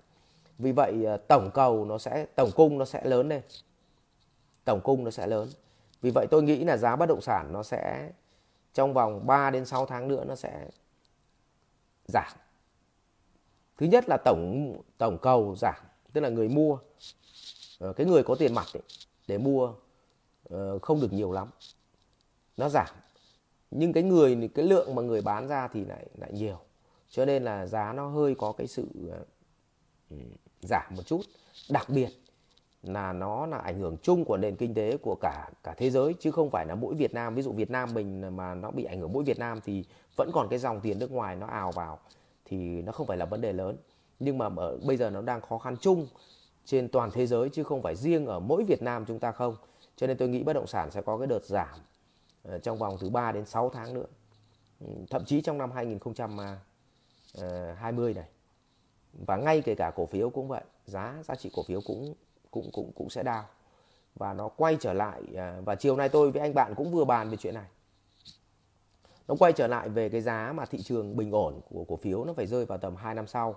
Và câu chuyện của bất động sản thì uh, uh, nó sẽ sẽ có tăng trưởng được thì cũng phải hết năm 2020 thì bắt đầu giá nó sẽ sẽ nhích và tăng trưởng nhưng mà năm nay mối đe dọa của kẻ này thì là cơ hội của kẻ khác vì vậy một số anh có tiền trong vòng 3 đến 6 tháng nữa mà ôm bất động sản thì lại là lại là cơ hội, lại là cơ hội.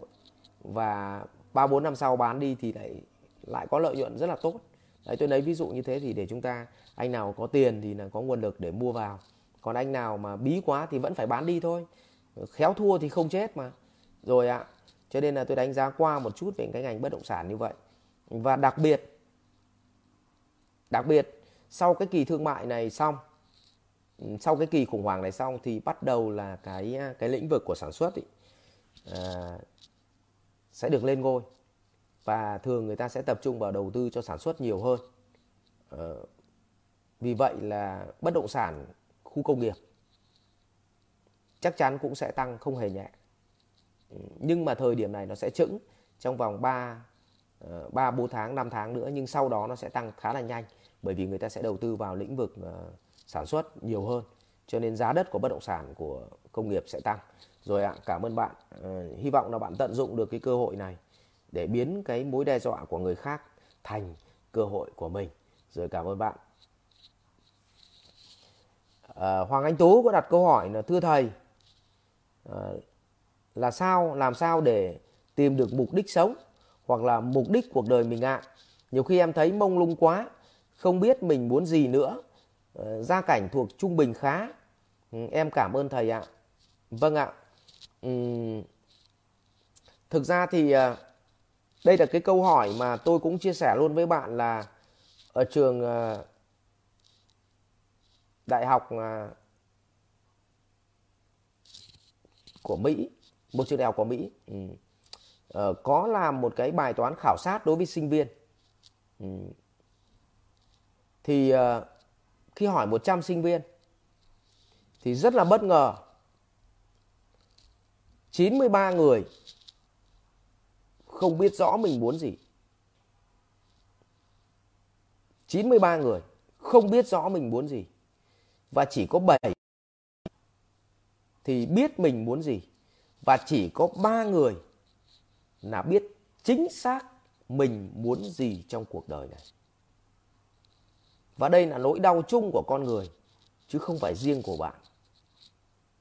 Và thưa với bạn, tôi cũng phải mất đến tận năm 37 tuổi thì tôi mới biết chính xác mình muốn gì. À, còn trước kia thì tôi chỉ biết là mình muốn có tiền thôi. À, tôi muốn oai thôi. Vì vậy cứ có tiền là tôi mua xe xong rồi là uh, tôi nói năng nó nguy hiểm, tôi ra ngoài đời khi mà đến trước đám đông thì tôi phải nói bằng cái giọng của đại gia xong rồi tôi tỏ ra là tôi là người bề trên nhưng mà sau tất cả những cái thứ đó xong thì thực ra mình cảm thấy không có hạnh phúc vì ở đâu đó là cái cuộc sống nó nó nó không được gần gũi. Nó không hạnh phúc từ tâm, mà nó chỉ thỏa mãn cái sự nguy hiểm của bản thân mình trong cái lúc đấy thôi. Có thể vui trong cái lúc tiếp xúc với đám đông khi mình dọa thấy chúng nó sợ thôi. Nhưng về mặt bản chất là khi mà mình về nhà thấy mình trống rỗng, buồn lắm. Và cho đến ngày đẹp trời thì có một cô bạn, cô mới hỏi tôi rằng, vậy thật sự anh muốn gì? Tôi giật mình. Thật sự là giật mình. Và tôi phải mất mấy tháng trời tôi nghĩ về cái câu hỏi đó. Và sau khi tìm, biết đến đạo phật, thì chính xác tôi mới biết cuộc đời này tôi muốn gì. Thì thưa anh là, tôi chia sẻ cái góc nhìn của tôi thôi. Cuộc đời này chính là kiếm tiền và thử nghiệm những cái suy nghĩ mới mẻ của mình và dùng tiền đó làm phương tiện để thử nghiệm.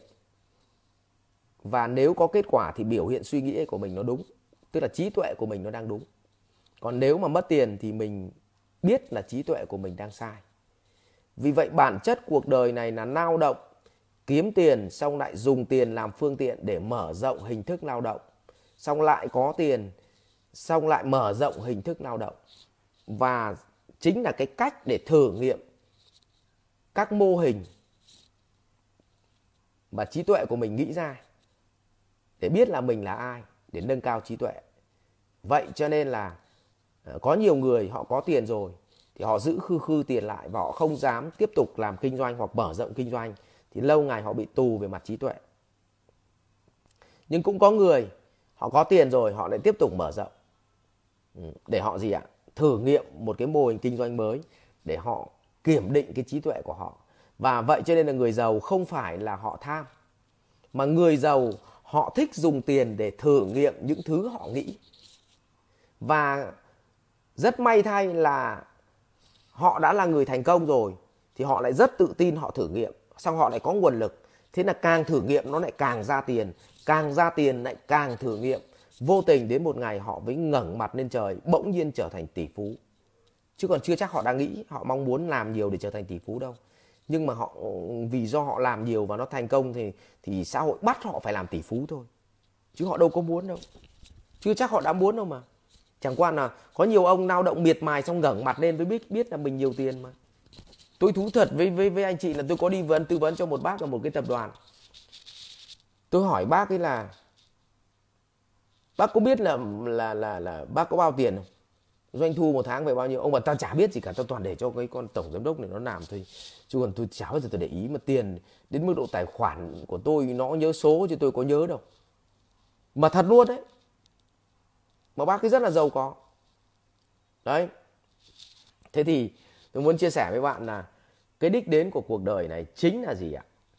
Sự trải nghiệm và trí tuệ trải nghiệm và trí tuệ.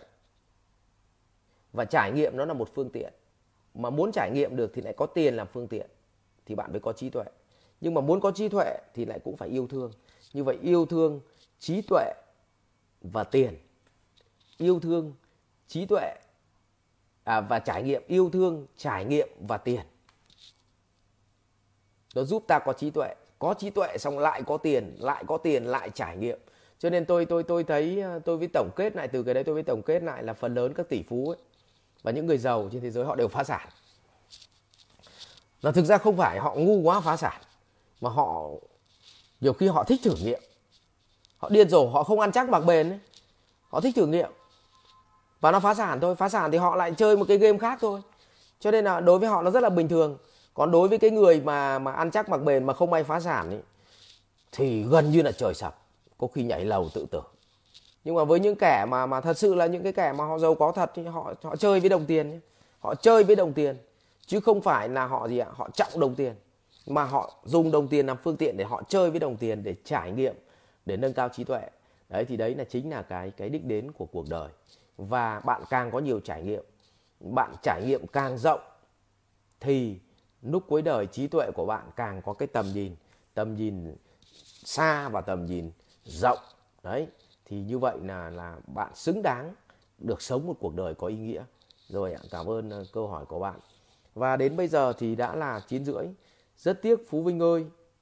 Ờ, phú vinh có đặt câu hỏi nhưng mà vào cuối cùng cho nên số hơi đen. Thông cảm nhá. Thế thì ờ, vào buổi sau thì chúng ta sẽ sẽ tiếp tục. Hôm nay là thứ tư và dự kiến là covid thế này thì là chúng ta sẽ, thứ sáu chúng ta lại quan hệ phát nữa nhỉ? Thứ sáu tối thứ sáu à, 20 giờ thì chúng ta lại à, tiếp tục giải quyết một số cái vướng mắc câu hỏi trong cuộc sống. Và rất là vui khi mà các anh chị à, theo dõi càng ngày càng đông à, và hy vọng là Tuấn mang lại giá trị cho mọi người. Thôi thì trong mùa Covid này mình không à, gặp nhau được mình không làm được cái gì cụ thể thì thôi thì chúng ta ngồi